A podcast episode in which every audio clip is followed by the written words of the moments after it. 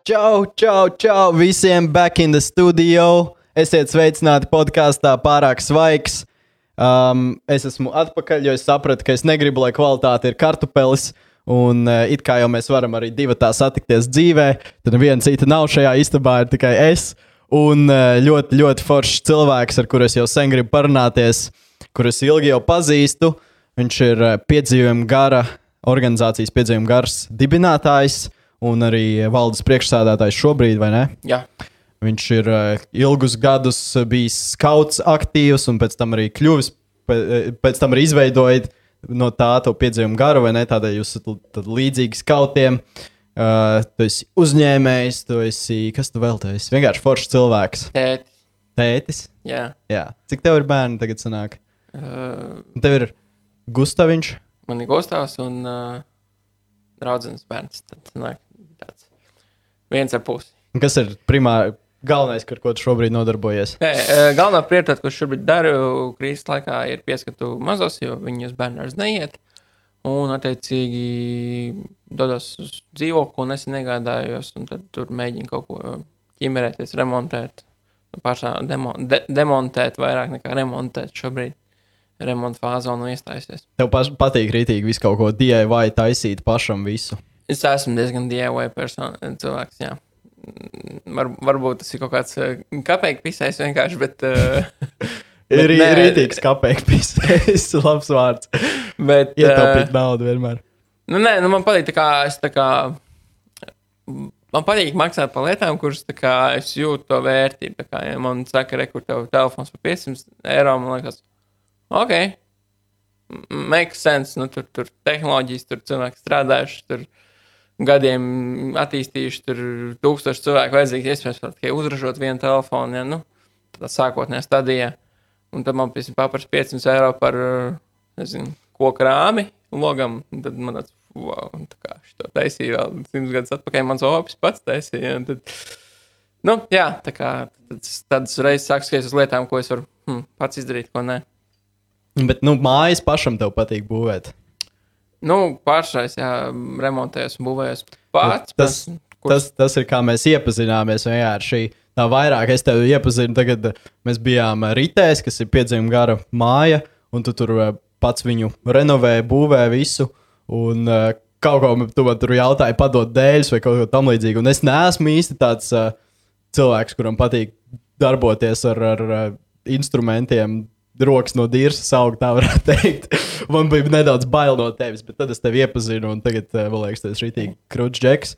Un vēl vairāk uh, es par tavu dzīves stāstu uzzināju uh, Yes Family Meetupā, tur, kur tu pats uzstājies un stāstīji par visu savu pieredzi ar skautiem. Tādēļ arī tas ir galvenais, kādēļ es, es, es gribēju tevi šeit uzaicināt. Es gribu, lai pārējie, lai citi arī dzird šo stāstu, kas nav vēl to dzirdējuši. Sāksim ar, ar bērnību. Ko, ko darīji bērnībā un par, kad tu iestājies skautos? Piemēram? Tiksim, tā, uz skauta man bija diezgan agrā vecumā, kaut kāda trešā klase parādījās. Un man draugs sāk iet uh, skolā, skauta pulciņā. Viņš bija no Amerikas atbraucis, viņš bija Amerikā, pēc tam gājis skautos. Tāpēc viņš sāk Latvijā iet. Un es, tāds, nu, es nezināju, kas tas ir. Es tam braucu mājās, tam māmu, kas ir, kas ir skauts. Viņš "O, tur skauts, tur kā jau klintīs, tur dara lietas. Un tāds, oh, wow, wow, davai, šis, šitas ir vajadzīgs. Un tad es iestājos, jā, un, un, un, un, un nu, Nu, jā, tas, tas ir daudz vairāk par kāpšanu, klintīs un virvēm. Patiesībā tas ir tāds mazākā lietiņa, un, un tur vairāk tiešām par vērtībām un, un, un vērtību sistēmu. Bet tas viss piedzīvojums tur ir tā forši iepīts iekšā. Un, nu, kaut kā jā, tas kaut ļoti ātri aizrāva, un, un tur iesēdos plānā visu savu jaunību. Cik gados apmēram? 9, 10 gadi, man liekas. Es, jā, 9 gadu vecumā es dabūju savu, no, savu solījumu pirmo kļuvu par maskautu. Okay. Nu, man tas tik daudz nepārzina. Es neesmu bijis skauts. Es tagad īstenībā gribētu iestāties skautos, jo es saprotu, ka tur var arī pieaugušie, vai ne? Jā, noteikti. Tu vari, nu, protams, va- varbūt tev nodarbības neviens tik ļoti nevadīs tik daudz, bet eh, tev ir iespēja iestāties, kļūt par mm, biedru, darboties, palīdzēt vadīt nometnēs. eh, Un, nu, ar laiku, protams, arī tu saņemsi visas pakāpes un nu, līdz darbosies. Un, un, tiksim tā, bet, eh, jā, noteikti darbs ir jauns, tas ir vērtīgi. Un, un, un tāpat tas arī vadīt, ir forši un, un darboties. Tas ir Un Skaut arī ļoti internacionāla organizācija būtībā visā pasaulē. lielākā jauniešu organizācija pasaulē. Jā. jā es nemaldos. Nu, ja Jā. nav mainījies pēdējos gados, tad, bet, nu, principā, pirms pāris gadiem tie bija 40 miljonu skautu un gaidas pa visu pasauli. Un tas, ir- tas ir tikai oficiāli. Tas ir vēl izmantot dažādas, kā jau visur pasaulē, un kā ir Latvijā, kad uh, nevar vienmēr visus deķīšus sadalīt, uh, kā vajag. Un īstenībā ir vēl citas organizācijas, kas arī dara skautus, bet viņas ir citas organizācijas, nav oficiāli organizācijas, bet tur ir tūkstoši un miljoni pat biedri. Nu, arī tādi, kas atdalījušās no Jā, jā, skautiem. jā viņam ir kaut kā ir skauts, tad arī ir, ir novirzi, ir tāda kā nu, novirziena skauts, ir, ir, ir, ir kur skauti kopā ar baznīcu vairāk, un tur ir bišķi vairāk kristētīgās tēmas iekšā, un bieži vien šīs tāda veida vienības, ir jau bišķi citā savā struktūrā. Latvijā ir, piemēram, Latvijas kristīgie skauti, nav tikai Latvijas skautu gaita centrāla, kas ir lielākā un kas tā tā oficiālā skaitās pasaules līmenī, bet ir vēl divas vai trīs citas pat Latvijā. Viņas ir mazākas krietni, bet, bet ir. Mhm. Ir arī, kā es pirmo reizi par šo uzzināju, es darbojos nevis skautos, bet iesaistījos organizācijā Jaunie Vanagi, kur arī izrādās ir organizācija, kas pirms kaut kādiem simts gadiem atdalījās no skautiem, jo viņi vairāk ir politiski noskaņot. Latvijā varbūt nē, bet Mhm. citās valstīs Young Falcons, viņi arī pēc skautu principiem darbojās, bet uh, vairāk arī politiski Es tāpat nezināju. Jā, es, es arī to uzzināju. Tikai tad, kad es aizbraucu ar jauniem vanagiem uz, uh, uz uh, kopēju kaut kādu sanāksmi, kur bija jaunie vanagi no vis kaut kādām valstīm. Jā, tas vienmēr bija domāts, kāds tas jau no manas backgrounds. Nekad nebija Jā. Nekas, jā, ko zinu, ko viņi dara. Krustas lietas. jā. Bet Latvijā viņi ir pavisam no tā novirzījušies, man liekas, projām, jo viņi politiski neko nedara. Nu, nē, nu, viņiem jāizdomā, ka tas, ko es man, man kad vienkārši viņiem pietrūkst ikdienas darbības, šobrīd ir, ir fokus uz tiem diviem, trim pasākumiem gadā, ko savāc cilvēki kopā. Bet es, es, ne, es arī baidos samot, es nezinu, varbūt kaut kur kaut kas tam notiek, kaut kādas nodarbības viņiem un tam līdzīgi. Jā. Bet, bet tomēr skautos tas ir, tas ir iknedēļas darbs jauniešiem. Jā, nu, tā, kad ir sezona, kad ir nu, mācība, mācību sezona, teiksim, tā, tad tajā laikā, tad skautiem nodarbības pārstāvja visā Latvijā notiek reizes nedēļā. Uh, vienībām, jā, mm -hmm. visā Latvijā notiek. Jā, nu, tā Nu, es par šo tagad arī daudz dzirdu, jo man uh, draudzene Grūzijā darbojās skautos, un viņi pirms pāris gadiem ar vēl citiem draugiem būtībā atjaunoja skautu kustību. jo Tur nav tā tik liela kā Latvijā. Viņi tikai nesen atsākās tāda kustība viņiem. Bet uh, vai tu pats tagad uh, vēl darbojies skautos? Šobrīd uh, es esmu biedrs vēl, cerams, esmu pārvaldījis savu statusu, bet nē, es esmu biedrs un uh, uh, seko līdz notikumiem. Šādi tad aizbraucu ciemos uz pasākumiem. Un, nu, es ceru, ka es nākotnē atgriezīšos un uzsākšu atkal vadīt kaut ko un darīties. Bet nu, man tā šobrīd tā prioritāte ir reāli sakārtot visu, kas ir uh, man profesionāla dzīves lauciņa saistīts, kas ir privāto lauciņa saistīts, lai ir nezinu, ģimenes miteklis un, un tāds lietas, lai Jo, jo tā jau šobrīd bieži vien sanāk, ka viņš raud uz pusēm, un, un jā, tad šobrīd kā, to esmu atlicis malā. Varbūt arī tieši tad, kad man, mani bērni būs vecumā, kad jāiet vairāk skolas, tas varētu būt tāds pamudinājums. Mm. Tieši atgriezties un vadīt, un veidot nodarbības un pašiem, pašam saviem bērniem. Un Cik tev tagad ir gadi? Man gadi tagad ir 30. 30. Nē, sorry. 29. 29. Būs 30. Ah, liekas, bija vairāk kā 3, 3 5. Tas ir jauns, vēl jauns puika. Un Jā. tev bērni arī vēl jauni. Nu, cik gadiem var iesaistīties skautos? Uh, no oficiāla nodarbības sākas 8, varbūt 7 gadi. Tiksim, tā maskauti. Bet nu, ir gadījumi, kur jau no 3, 4 gadi tur močī kāds, jā, kuram tieši īpaši, kuriem vecāki kaut kur ir bijuši iesaistīti. Viņi darbojas un iet līdzi un brauc uz nometnēm. Un vienmēr mm. nometnēs ir, ir, ir, un tā arī turpina pēc tam tālāk. Uh, Kas ir tas profesionālais, ko tu minēji, ko, ko vēl tu attīsti šobrīd? Nu, tad uh, lielākā daļa laika ir piedzēna gars, jā, aizņem. Uh, Paralēli nu, kaut kāds šāds biznesa iniciatīvas bijuši kādu laiku atpakaļ ļoti aktīvi, aktīvi darbojas ar kafejnīcas buberts, uh, pārvaldīja pirms diviem, trim gadiem. Un, nu, bija klāt ļoti pie dibināšanas un, un, un, un tam attīstības posms, bet uh, tā nevaru sev, laikam, sadalīt pārāk daudz savām pusēm, tad tas darbs paliek visur neefektīvs. Un tad tā šobrīd galvenokārt piedzēna gars ir nofokusēts. Kā sākās piedzimuma gars, kā tu nonāci līdz piedzimuma garam? Jau deviņus gadus jūs darbojaties. Uh, oficiāli jā, mēs pastāvām 9 gadus, bet uh, reāli tā ideja sākās way back. Tas bija kaut kāda, kad man 15, 16, 16 gadi bija. Tad jau mēs domājām par tādu, o, ka varētu kaut kādu foršu, tas ir tādu ar čomiem, ko mēs gājām kopā skautos, uh, ko mēs ikdienā esam tusējām, kas ir man šobrīd viena no labākajiem draugiem. Ir, uh, toreiz ir tieši domājām, o, varētu kaut ko tādu darīt foršu. Nu, jo mēs jau tad kaut kādus pasākumus darījām, kaut ko darījām, mums likās baigi forši. Un, Kāpēc gan arī nu, tā, ka tas ir nesis tā kā, ja šobrīd skauti ir bērniem to pašu pieredzi un ārā dzīvi, un visu to nepiedāvāt pieaugušajiem un, un, un jau citai vecuma grupai un citiem cilvēkiem. teiksim Tā.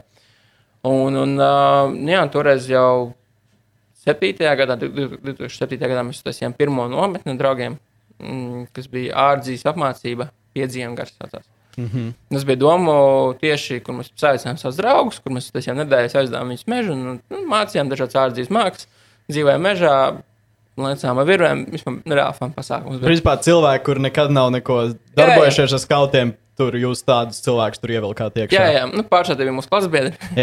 uh, tad bija 7. gadā, mēs tādu uztaisījām, un bija tik cool, visiem pēc tam runāja, visiem patika. Un 8. gadā mēs jau uzrakstījām vienu projektu ar skautiem uh, un uztaisījām vēl vienreiz šādu pašu nometni. Uh, atkal bija jā, draugi paziņas. Atkal kaut kāda forša pieredze, visiem patika. Ilgi runāja pēc tam, protams, protams kā jau mēs bijām 16 gadīgi paši jaunieši, kas to visu organizēja. Bija kaut kāda fēlere un problēmas un tam līdzīgi, bet uh, tas bija daļa no lietas.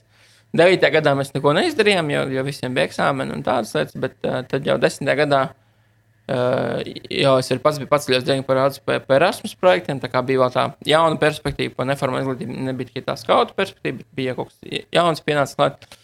Un uh, 9, 10. gadā uztaisījām vēl vienreiz uh, ārģijas apmācības. Man liekas, toreiz mēs vairs nesaucām viņus piedzīvojumu garš, bet saucām autismu nācijos, vai bija piedzīvojumu garš vai, vai... Nē, man liekas, jau bija piedzīvojumu garš. Tā kā uztaisījām trešo reizi. Un uh, tad jau 11. gadā es ar kolēģi Ati, ne to Ati, ko tu pazīsti, citu citu Ati, jā, bet nodibinājām piedzīvojumu garu. Beidzot saņēmām, tā kā, nu, tad uzlikām to oficiālus papīrus, taisījām biedrību un uzlikām tā kā tiešām sākām to iet. Tā kā, nu, tā, tā viņš radās. Bet uzreiz pēc skolas nesākt to, arī mācījies pa vidu. Uh, pēc pirm, pirmā gada pēc skolas paņēmu akadēmisko, nu, ne, nu, akadēmisko es paņēmu brīvu, nu, gapie, jā, un, un teiksim, tā, tā to sauc toreiz moderni. Un uh, tajā gadā es padarbojos, uh, jā, nu, pats ar tiem pašiem Erasmus projektiem, pats biju pastrādājis Lūzum punktā, ah, okay. kad laiku palīdzēja Rīgas laivas projektu ieviest. Un, uh, uh, jā, nu, gūju kaut kādu pieredzi, un, un, un tad attiecīgi pienāca tas 10, 11 gads, teiksim tā. Eh, tad jau bija tāds, kad um, man Liepājā parādījās uh, dzīvoklis, bijis, un ģimenei piederēja dzīvoklis Liepājā, kas bija nesen nopirkts, iz, izremontēts, un viņš bija izīrēts. Viņš tagad bija atbrīvojies, un viņš tieši pa pašu jūras rītīgi forši, un rītīgi forši dzīvoklis. Man bija tāds, oh, es turētu padzīvot. O, Liepāja man rītīgi patīk. Arī. Vai ne? Un es domāju, nu, man tāds brīvs gads, un es, man bija tāds sajūta, ka, dā, Rīgā es visu tā kā jau zinu, es miesties, jau zinu, ka kaut ko, es gribu nopelnīt naudu, un es gribu kaut ko pahaltūrēt, vai kaut ko nopelnīt, vai kaut ko izdarīt, vai ko pārdot.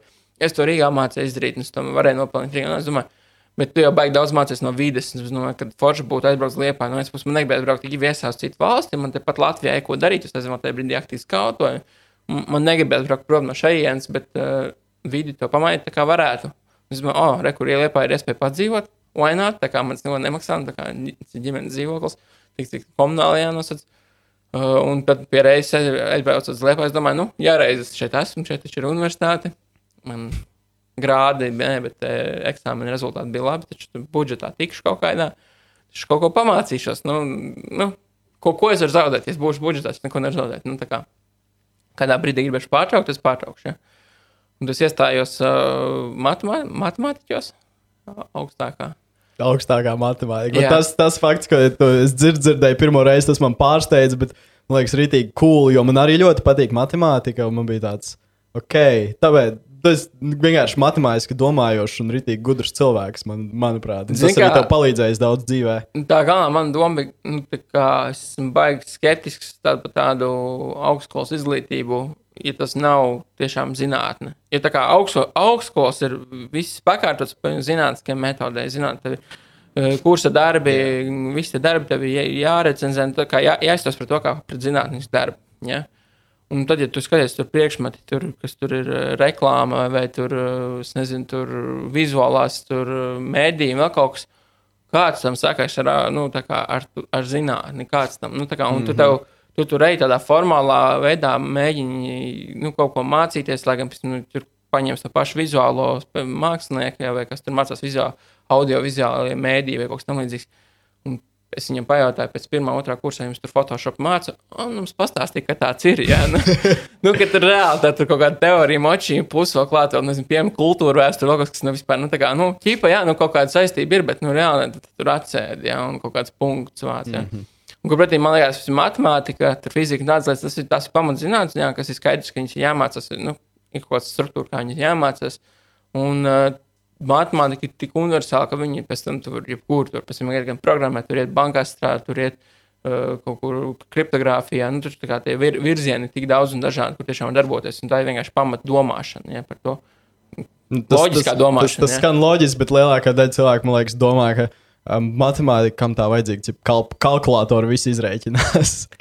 Nē, matemātika ir rītīga bomba. Pr- Protams, un stils nesen atradu kaut kādas video, un man jau ir daudz no matemātikas, kas tāds, bet nesen YouTube atradu foršas video, kur kanāls saucas, man liekas, uh, Things.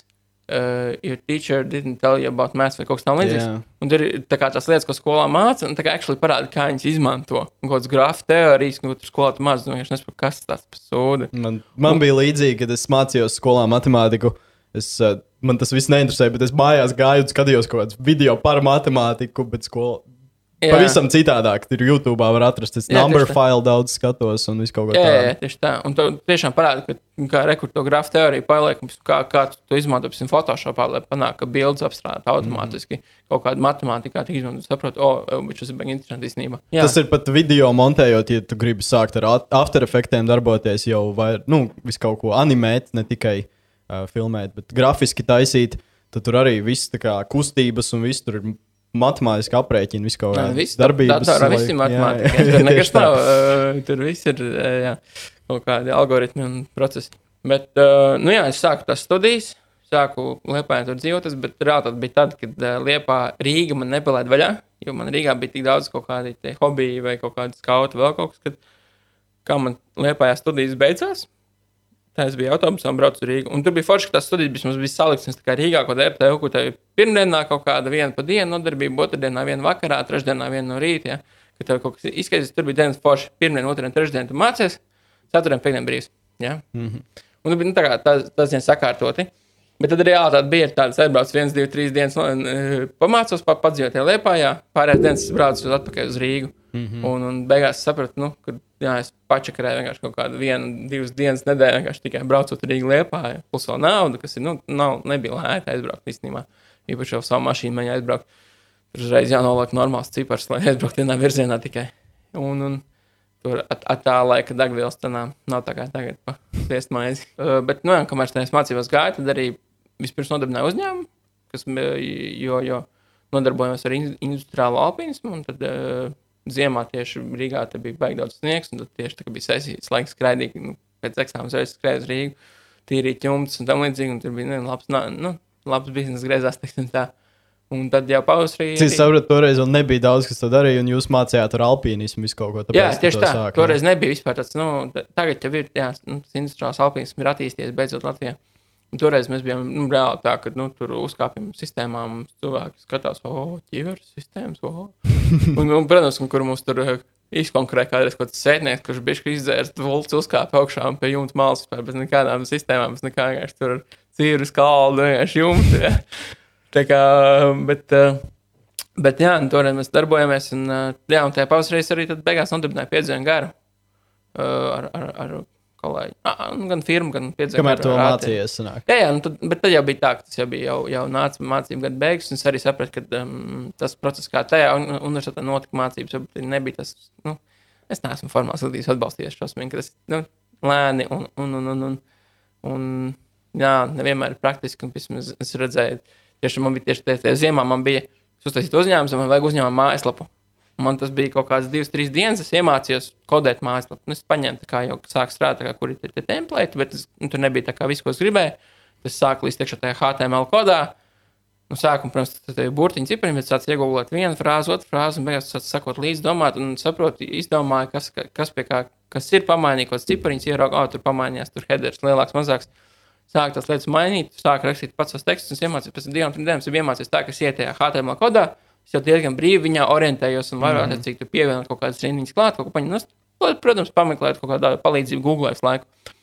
Un tad, un tad tieši bija, eh, ka mums otrajā semestrī sāka mācīt skolā, eh, tā kā nu, augstskolā, to program, eh, HTML uh, programmēšanu. Un kur tur vienkārši tur piecas nedēļas tur kursus mokās, lai tur vispār panāktu, ka tev parādās sarkans klucis uz ekrāna vai ko tādu. Ja? Un es domāju, bāc, nu, es šito izdarīju. tā Kā, tāpēc, ka actually man vajadzēja saprast, kā to darīt, un tā kā to darīju. Ne? Un tad tev to, to mēģina karotīt, to pašu ieliet iekšā, un tas ir tik neefektīvi. Jā, jā nu, skolā pilnīgi- bieži vien biedrībā tu kaut ko māci, bet tu nesaproti, kāpēc tev to māci, Jā. kā tev tas noderēs. Man arī bija līdzīgi ar to HTML. Es biju 12 gados, man nebija ko darīt. Es vienkārši iegāju kaut kādā Code Academy, tur rītīgi labas pamācības, izgāju HTML, izgāju JavaScript. Pēc tam trīs gadus vēlāk man skolā to sāk mācīt. Tāpēc Easy vienkārši Jā, jā. šo apmēram. Tā ir tā galvenā lieta, ko es tā jūtu par to mūsdienu izglītību. Tā, tā kā vēl, nu, man ir tik daudz lietas, ko es gribētu mācīties. Bet, nu, pieņemsim, es gribētu, nu, mācīties, ar, nu, man arī filmēšana ļoti patīk. Nē, tas, es domāju, o, tu varētu pamācīt pa, pa, pa operatoru. Kā to, ka es varētu tikt iekšā kaut kādā mākslas akadēmijā, kur te actually te par to jāmācā. Nu, tā, tev Par tur operatoru jau nemākslas akadēmijā tur ir speciāli. Man liekas, tas, ir tehnikumā, tu vari tikai par kurš operatoru. tur liekas. toreiz bija vēl mākslas akadēmijas. un Tur, lai tiktu iekšā vispār, tad tur tikai uzņem reizi divos gados.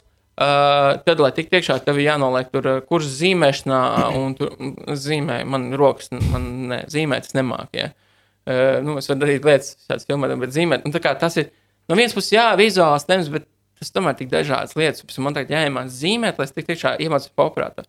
Un, es mācīšos operatoru, tur visticamāk arī būs jāmācās 20 dažādas vēl papildus tēmas, kas vispār neatbilst tam mūsdienu nu, standartam. Tad tur mācīs kultūras vēsturi, kultūras vēsturi, nu, ķipi jā, vai tur kaut ko, lai tu zinātu, jā, bet tas realitātē, tā, kad izies ārā no turienes, tu būsi darba tirgo ar savām mākām daudz zemāk nekā re, kur Edgars Frešs, kurš paņēma kameru, vienkārši filmēja savus podkāstus un katru Precīzi dienu iemācās manas kaut ko, kaut ko jaunu.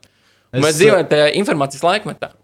Es uh, skatos arī kaut kādi draugi, paziņas, tur rītīgi tur man stāsta, bāc, man tur jāuztais kaut kāda. Tagad audio-vizuāļos arī kāds saka, reizes divos gados, uh, man liekas, pagājušajā gadā tieši nu, šī semestra sākumu septembrī varēja iestāties, un man tur, tur jāizveido viņiem kaut kāda filma būtība, nu, brītīgi grūti ti- tikt iekšā, un tad tur tie, kas tikuši rītīgi priecīgi, tur mēnesi ir strādājuši pie sava darba, tie, kas netiek, vienkārši tagad raud bez mazvai, jo tagad vēl divi gadi jāgaida.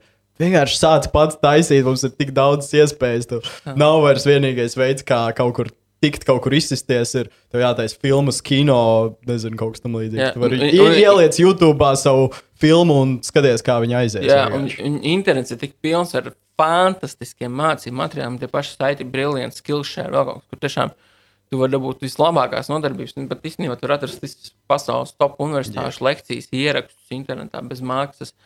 Ir tā Hāna akadēmija, kas man liekas, visas lekcijas pēc kārtas dod ārā bez maksas jā, ierakstīts. Un Es domāju, nu kā, nu tā kā tieši rekur, tu tev konkrēti ir vajadzība, tu tev konkrēti zini lietu, ko tu gribi zināt, rekur paņem, atrod, iemācies. Nes tev māca vēl desmit, trīs citas lietas tikai tāpēc, Jā, ka, jā, jā. nu, lai būtu. Ja. Tur kaut kāda IT, RTU, ja tu gribi iestāties, tev vēl tur ķīmija jāmācās. Tāds. Jā, vai, vai man RTU dizaina, dizainā, kur ir kokapstrāde, viņiem jāmācās ir uh, augstākā matemātika uh, uz uh, matemātisku analīzi.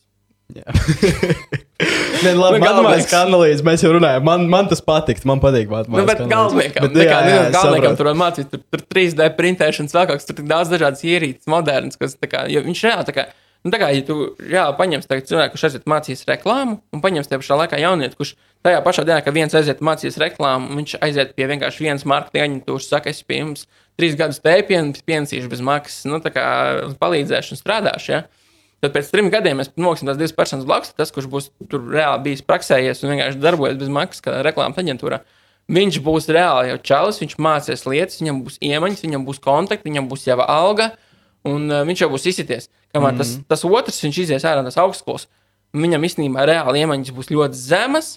Uh, viņam nebūs kontakti, viņam būs jau parāds no skolas, iekrājies. Ja? Nu, viņš ir pilnīgi Jā, citā dzīves vietā. Nu, Latvijā nav var, varbūt tik lieli tie parādi. Man liekas, Nu, mums, mums nu- ir lielāks arguments iet augstskolā.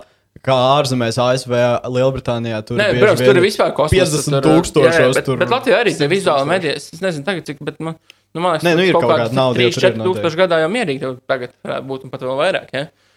Nu, un sarēķini tad trim jā. gadiem. Ja? Man liekas, Krīvēns man arī teica, podkāstā, viņš nemācījās mārketingu, vienkārši sāka strādāt mārketinga aģentūrā. tā, Tāds Ir- arī ir tā notiek industrija, kas mūsdienās. vispār mainās tik ātri, tā kā mārketings ir. Nu, tā kā tas, kas strādāja vakar, Jā. šodien vairs nestrādā. Sociālā mēdīja arī nomainās visu tagad laiku. augstskolā, tagad tu tikai Twitter sāks mācīties. Tikmēr jau tur TikToks, un tagad tu pabeigsi mācīties, tad. TikToks vairs nebūs vispār. Bet, Tieši tā. Šitais, te, es zinu, ka man, es gaidu komentāru, kad viss rakstīs, bet tu nevari iemācīties internetā par ārstu vai kaut ko tamlīdzīgu. Jā. Jā, mēs runājam par profesijām, kur, tā kā, kur to, to var izdarīt. Ne visās profesijās. Kaut gan es atvičāju, ka ir arī kāds cilvēks, kas ir pašmācības ceļā iemācījies būt par ārstu. Nu, jā, bet, Varbūt bet, viņš zini kā, oficiāli nedrīkst būt ārsts, bet viņš zina kaut ko vairāk nekā daudz ārsti. Nu, noteikti ir tāds cilvēks. Es tikai kā no ārstiem arī, man liekas, es, tomēr, kā ārstiem saka, ka tu studijas desmit gadu, bet reāli no studijas jau tik un tā 4, 5 gadi. Un tad jau tomēr viņam 4 gadi vienkārši tas, ka viņš tiešām darbojas, viņam stāv kāds ārsts. Man liekas, tur ir sešiem gadiem sākot. Bet, nu, jā. Ārstiem. Nu, bet vienā viņi sāk, viņi, viņi sāk tur jau, jau praktizēties kaut kādā brīdī. Jā, Jā, jā. pēdējā gadā jau tev sākas Ā, rezidentūra, ir, taisnība, ir jau nu, reāli hands-on. Ja? Kur, protams, Pirmie četri gadi visiem tas ir, vienādi. jā. tas ir fiziskās, nu, piemēram, tur ķirurgam tas ir reāli, ir tur treniņš ar rokām un iemācīties tur kustības un, un, un tam līdzīgi. Protams, tas ir, tas ir tas, tā ir lieta, kas ir jādara un, un jāmācās. Un, protams, tur ir ļoti tas zināšanu daudzums, kas ārstiem vajadzīgs, ir ļoti liels. Jā, un tā kā fine. Jā, un tā kā Un kā es piekrītu, ne, es kā nesaku, ka pilnīgi visi sūdz. Kā nē, mm -hmm. visi, visi normāli jābūt augstākai izglītībai, ir jābūt, bet viņai jābūt daudz mo modernākai, es domāju. Un ne, nevajag augstākai izglītībai būt katram priekšmetam, būt augstākā izglītība. Ja tu ja tagad ir pasties vispār tādu, topikus izdomājuši, ka augstākās izglītības, eh, nu, ka tu iet eh, studiju nosaukumu, tu tur Nesaprotu, Jā, kas tas ir. Ja? Un, un, bet, bet reāli tur apakšā viņi izdomā jaunu nosaukumu, bet nu, saliek kaut kādu vienkārši to pašu veco putu. Tur, nu, nosauksim šitā, bet tagad nu, tāpat joksim to veco matemātikas Mhm. analīzi, joksim to šito, joksim šito. Nu, ja pēc mērķa RTO laikam ir tas, ka pilnīgi visos kursos viņam ir pirmajā gadā jābūt matemātiskā analīzē. Kas, protams, es saprotu, matemātika ir cool lieta no vienas puses, bet no otras puses, vai tiešām, tā kā mēs, ja mēs, mēs dzīvojam informācijas laikmatā, mēs izvēlamies informāciju. Šobrīd viss Twitter, Facebook, viņš to pasniedz to informāciju, ko tu izvēlējies. Kur pretī augstskola tu pasniedz vienkārši informāciju. Random. Mhm. Jā, ja tu esi pilnībā pieredzējis, Jā. visur atlasīt informāciju. Un Es domāju, ka arī studijām mācībām būtu jābūt tieši tikpat konkrēti. Matemātika iemācās domāt vienīgais. Jā, bet, ne, tas eh, bet jā. labi, ru- runāt mēs varam gud, gudri dirst, visi var. Bet, ja tev reāli būtu iespēja pamainīt kaut ko izglītības sistēmā, ko, ko tu tur var ieviest? Varbūt kaut ko no, no to, ko jūs mācāt piedzīvuma garā, varbūt. Um, nu, viena no tām lietām, ko es, mēs tam daudz darbojamies ar klašu salēdēšanu, nu, un ko es vienmēr saku skolotājiem. Vienkārši ir pirmā lieta, kas jāpanāk, ka klasē ir, nu, tā kā te kaut kādā divas, trīs nedēļas no vietas audzināšanas stundām, bet pats, ka klasē ir komunikācijas kultūra. Jo, protams, ka tu negribi sēdēt klasē, kur pusi no stundas vienkārši pusklasi ķērts. Skolotāji bļauj uz, uz, uz, uh, uz skolniekiem, ja, un tā kā pusstunda no, no mācību tas stundas paiet vispār tikai no to, ka skolotāji mēģina kādu apsaukt. Un tu sēdi, un tu tā kā reālismā veids to savu laiku. Man liekas, tāda ir 90% no Ei, klasēm jo- jo Tas Latvijā. man bija tā kā pārsteigums, ka es aizgāju pirmo gimnāziju mācīties. Nu, nu, līdz 9. klasē nemācīju pirmo gimnāziju. Tur ir stunda. Un stundā ir kā, nu, es, nu, ne, visas stundas, ne visas klases, bet, nu, tieši manā klasē, manā, man tā kā lielākā daļa manas stundas, nu, ir kāpa klusums, visi mācās. Pat ja nemācās, tu sēdi tur savā nodabā, dari, ko tu gribi. Tur, nu, lasīt, dari, nāk, nu, tur varbūt skolotājs ērēs, varbūt neizrādīs. Bet tu nečakarē prātu citiem. Un tajā brīdī vienkārši tev ir tas, ka nu, tu paspēji izdarīt stundā tik daudz vairāk, un pēc kāpēc viņa gimnāzija tur kvotē. Es saku, vienkārši stundā paspēji izdarīt vairāk, un īstenībā pēc tam mājas darbs nav jāpild, pēc kad stundā tā viela jau ir izņemta. Kur patīk kaut kādās citās skolās, un tur stundā mm. vienkārši ir bandaks, un tad ir, jā, un reku, tad eh, ņemiet reku uz mājām, vielu mācīties, jā. Man bija tāpēc pirmajā gimnāzijā tik labi, tik labi rezultāti. Nē, nu, protams, tur, tur ir atlasīts. Nu, Jā, viņam arī atlase ir labākie, ļoti- Nu, protams, protams nu, tas, tas dod to rezultātu. Bet, bet nu, stila, man liekas, tā iekšā klases komunikācija, ka tu panāc, ka tev ir klasē kaut kāda tā kultūra un disciplīna. Nu, tā ir tāda prioritāte, man liekas. Tā kā tu vari, sakt, var 5 stundas izlaist. Un, ja tu dabūsi, ka, te, ka tu vienu stundu nomācīji labāk, nu, tā kā pilnīgā klusumā, un kur visi klausās un, un ir respektēti, un visiem iespēja izteikties, un, nu, civilizētā veidā, tu panāksi daudz lielāks rezultāts nekā tad 5 stundas vienkārši tur muļāsies. Kā panākt to saliedētību? darbojoties klasē, nu, runājot par tām lietām. Nu, tur, es, es domāju, tur varianti var būt dažādi, un pieejas var būt dažādas, kā panākt. Nu, tur, nu, ko tad nesāc stundu, kamēr nav klasē tas, nu, tas miers. Un es domāju, nu, jā, paies kaut kāda nedēļa, bet no laika jau jebkur klasē. Nu, Noteikti pats atceries, ka bija skolotāji, pie kuriem tu aizgāji, un klasē bija miers. Un bija skolas, Jā, skolas jā. stundas, kur tu aizgāji, un klasē, klasē bija kaut kāds pilnīgs hais notika. Ko, ko jūs darat, piemēram, ekskursijās klašu, lai, lai to panāktu? Uh, kā ļoti vienkārši lieta, ka mēs, uh, mēs mums ir izaicinājums, kāda aktivitāte mēs vienmēr dodam jauniešiem izteikties pašiem. Tā kā viņi sastāv. Tas, ko mēs vienmēr cenšamies panākt, ka mēs sēžam visi pie māplī, visi viens otru redz, un mēs padomājam kaut kādā kādu objektu priņķi, kas ir kā mikrofons, un tas, kuram ir tā bumba, tas izskatās. Un Mēs vienmēr, tas ir galvenais, ko mēs skatāmies, lai tiešām, kam ir tā bumba, tas izsakās. Viņi nepārtrauc citu. Mēs sakām, ok, forši, tu gribi piebilst, pagaidi, iedosim to bumbu vēlāk. Teikt, izsakās tas. Jūs zināt, to, ka vienkārši katrs cilvēks var tieši brīvi izteikt. Un tad arī otra lieta, ka mēs arī aicinām cilvēkus izteikties par savām sajūtām un emocijām. Tāpēc, kad bieži vien mēs pajautām, nu, kā jūs jūtaties, un klasē aptuveni no, no 30 cilvēkiem būs 28 atbildes uh, labi, tur 4 atbildes slikti, un nezinu, 5 atbildes normāli, vai nezinu, vai nu. Tam līdzīgi tā tas ir tās emocijas, ko jaunietis mūsdienās zina. Ja? Tā kā viņi tev tur iekšā ir tik daudz kaut kas dažāds, un tās lietas jātrenē. Es vēl aizvien mācos eh, izteikt savus emocijas. Jā, bet to var darīt tikai vienkārši darot. Bet, un bieži vien tā, ka mēs jauniešiem pateicām, hei, nu, kā tev, nes, kā tev patika? Jo bieži vien jauniešiem mēs iedomājam, viņš, saka, nu, man vislabāk patīk tas, bet, nu, tā kā, nē, jautājums būs, kā, kā jūties, ja, nu? Un viņam ir tāds izmaiņas, tāds, man šito, nu, tā kā, viņiem, nē, es to nejautāju, nekad, pat mājās varbūt neviens nejautā. Tas ir grūti. un Tāpēc arī daudz to negribu. Bet ne, nu, jo es par šo nesen aizdomājos. Kad es sāku nezinu, ar savu draugu runāt par to, kā es jūtos par savām emocijām, tu esi pieredzējis, ka tu runā, nu, tā kā mēs runājam, mums ir viegli runāt, bet tagad tev jāizsakās par emocijām. Tas bieži vien nā, nākās, kā nu, tev jāapdomājas. un tu s- Stosties, un nezinu, dažreiz tas nāk, nu, tagad ir bēdīgas lietas, tas nāk caur asarām un viss kaut kas, un cilvēki baidās no tā. Nu, zini kā, tas, tas ir forši, ko tu saki. Tas ir, tas ir pateikt emocijas citiem, bet kaut kā pasakot sev emocijas. Nu, Kā, Jā, kā jā. pats sev pasakot, šobrīd, nu, nu tā nav jābūt vienam kopā. Vienkārši pats stāvās šobrīd, vienkārši saprot, kāds šobrīd ir labi, slikti, normāli, tur ir vesels spektrs, 99 dažādas emocijas mums iekšā var būt. Un vienkārši saprot, nu, tas tā emocionāla inteligence, ko arī mācās Zorgus un tam līdzīgi. Ja? Bet, nu, tu reāli saproti, tā kā, nu, kas tev notiek, un kas, kas tā pa emocija, vai kas tas tā pa sajūta, kas tev urda. Ja? Jo, jo, jo, jo, kā, kā, kā Zorgus stāstīja no nodarbības, kas bija nu, ļoti labi piemēri, iedeva, kad uh, nu, mūsu smadzenēm ir ļoti maz tās savienojums starp, starp vārdiem un to daļu, kur ir, e- ir emocijas iekšā. Mm -hmm. nu, viņi, teiksim, tā, tur ir pāris savienojumi, tāpēc mēs zinām tikai. Tev ir emocijas, zina, labs, slikts, bet tev nav izveidojuši jaunu savienojumu. Tāpēc tev bieži ir tāda tev, tev sajūta, tu ej virtuvē, tu kaut ko gribi. Tā arī ir sajūta. Tu, tu zini pat konkrēti, ko, ko tu konkrēti gribi, bet tu nezini, kā to pateikt nu, kaut ko, kaut ko sāļu, kaut ko nu, olīvu vai vēl kaut ko. Ja? Un tad tikai paņem akšlī un saprot, kāpēc olīvu. Saprot, ah, man bija šī sajūta, es gribēju olīvu. Un tad, kad tev būs nākušas tā sajūta, ja tu būsi padomājis par to, iet virtuvē, tu zināsi olīva. Jo tev būs izveidojies tas savienojums ar to vārdu. Un tā ir tādēļ, ka tu tiešām apzinājies, hei, kas tā emocija man ir, kāpēc tas notiekās. Tu pasaki, un tu izveido šis konekšņus starp savu intelektu, kas ir vārdi, un izveido savienojumu starp intelektu un emocijām. Par, par šo noteikti vairāk arī būtu jāmāca vispār skolās. Un, runā, man liekas, par to emocionālo inteli- inteligenci liks, liks iekšā tur mācību runās, programmā, uh, programmā, bet es nezinu. Tas okay. okay. Tas tas skola 2030. Tas Varbūt, jā, varētu būt. programma, jā. Bet nu, arī man ir interesanti vērot, man, man, man abi vecāki ir skolotāji šobrīd, nu, vērot, kā, kā viņi mājās strādāt ar Zoom tagad, jā, un, un, un, un, un, un kāds notiekās. Un, un, un, no vienas puses, man liekas, īstenībā, no vienas puses, Zooms varētu atrisināt to problēmu, ko es saku, ka, nu, neklausās. Nu, Ja tā kā tu īstenībā tev jau tādā zumā tur runā, tev ir tagad 30 ar cilvēki, kas te skatās.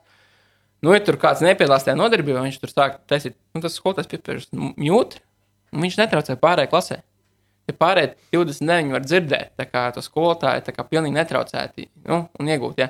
Jo, protams, es esmu dzirdējis tās, ka, lie, lie, es dzirdēju, ka Lietuvā laikam kaut kādi skolnieki ar tiem zūmiem vēl kaut kur sāk tur skolotājs tur rīktīgi uh, terorizēt un, un čakarēt un tur uh, zīmēt eh, krāniņus uz, uz šērskrīniem virsū un tam līdzīgi. Bet, Vai arī tie tagad rītīgi populāri. Es arī izmēģināju, ka tu vienkārši iefilmē sevi, uzliec kā fona bildi, un tad aizej projām. Iz, izskatās, ka tu tur sēdi, bet tu patiesībā neesi nemaz klāt pie datora. jā, nu, nē, bet, bet, bet tā doma, bet, ok, tu to izdari, tas mums šajā gadījumā netraucē tiem, kas grib mācīties. Pēc tam klasē, tomēr ir liela daļa, kas grib mācīties.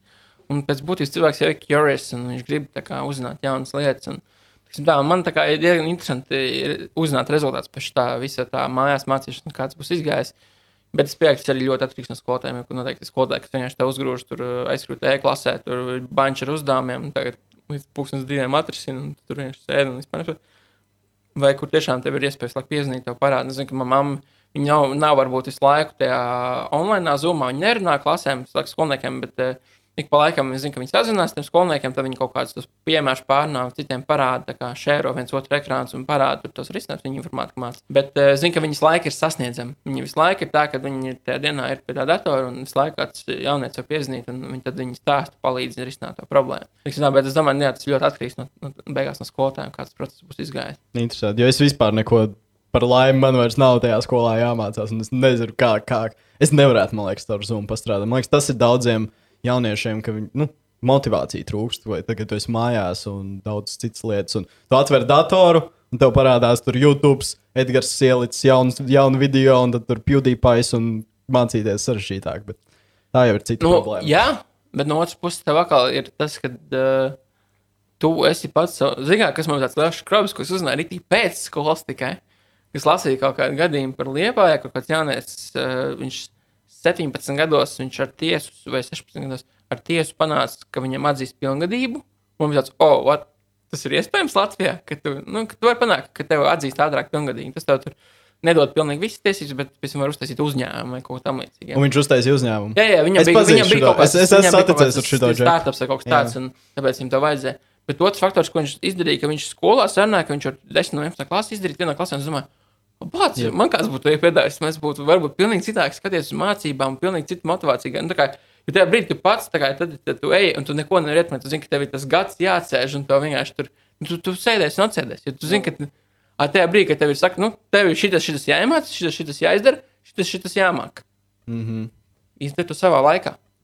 Pēc tam, Tu, tu, tu vērtē savu laiku augstu, tu izdarīsi izmēru. Reāli ātri, reāli efektīvi. Un tā kā rītīgi. Jā, tāpēc arī es domāju, tagad ir eh, tālmācība diezgan populāra kļuvusi, jo daudz saprot, ah, paga. Es varu jau tā kā, nu, piemēram, tev ir tie 16, 17 gadi, vai nu tev tur jau aiziet kaut kāds influencer bizness, vai nu kaut kāds cits, kaut ko citu gribi, vai tu ar sportu nodarbojies.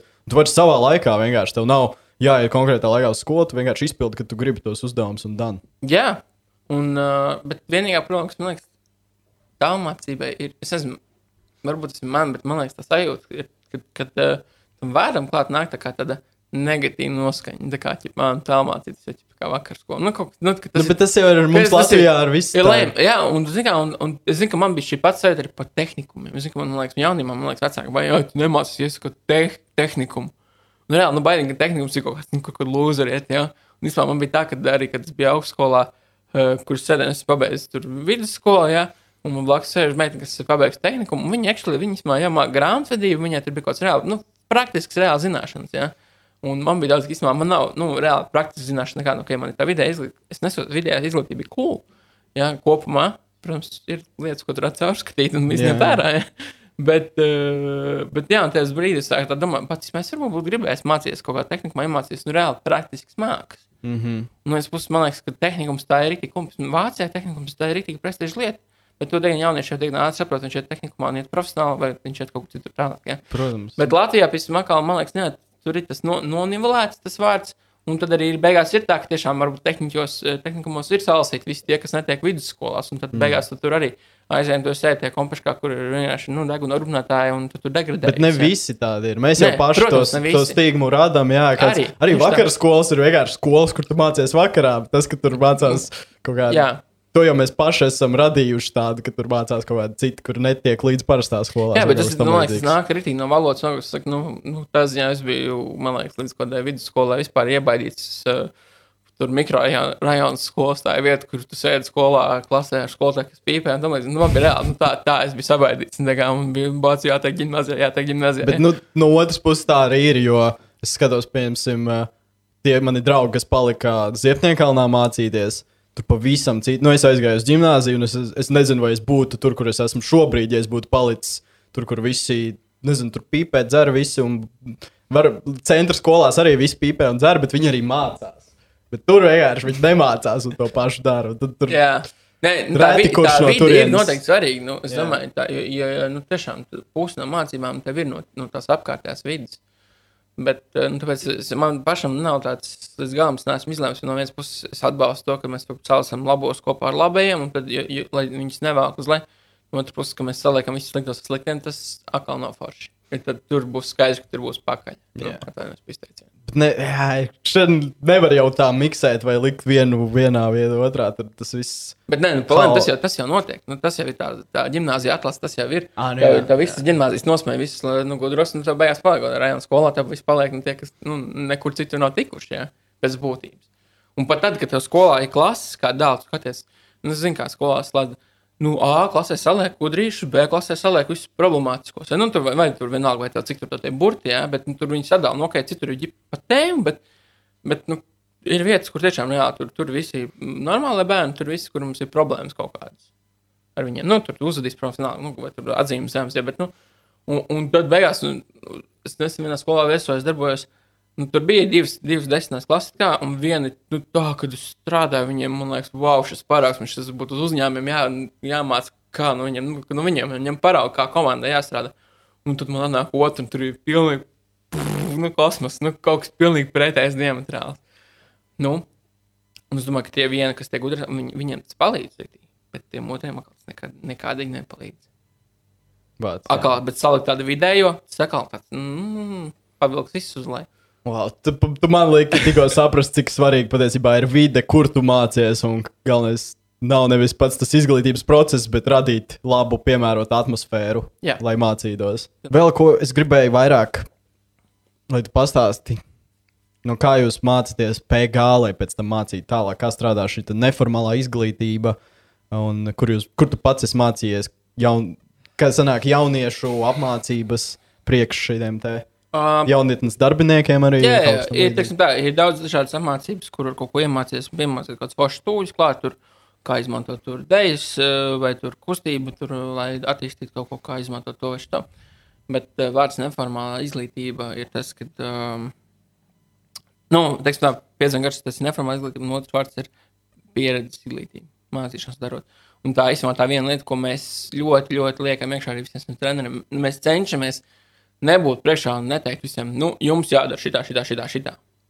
Tas, ko mēs vairāk darām, mēs ieliekam cilvēkus situācijās, un tad radām vidi, kur viņi var paši apspriesties un paši nonākt pie secinājumiem.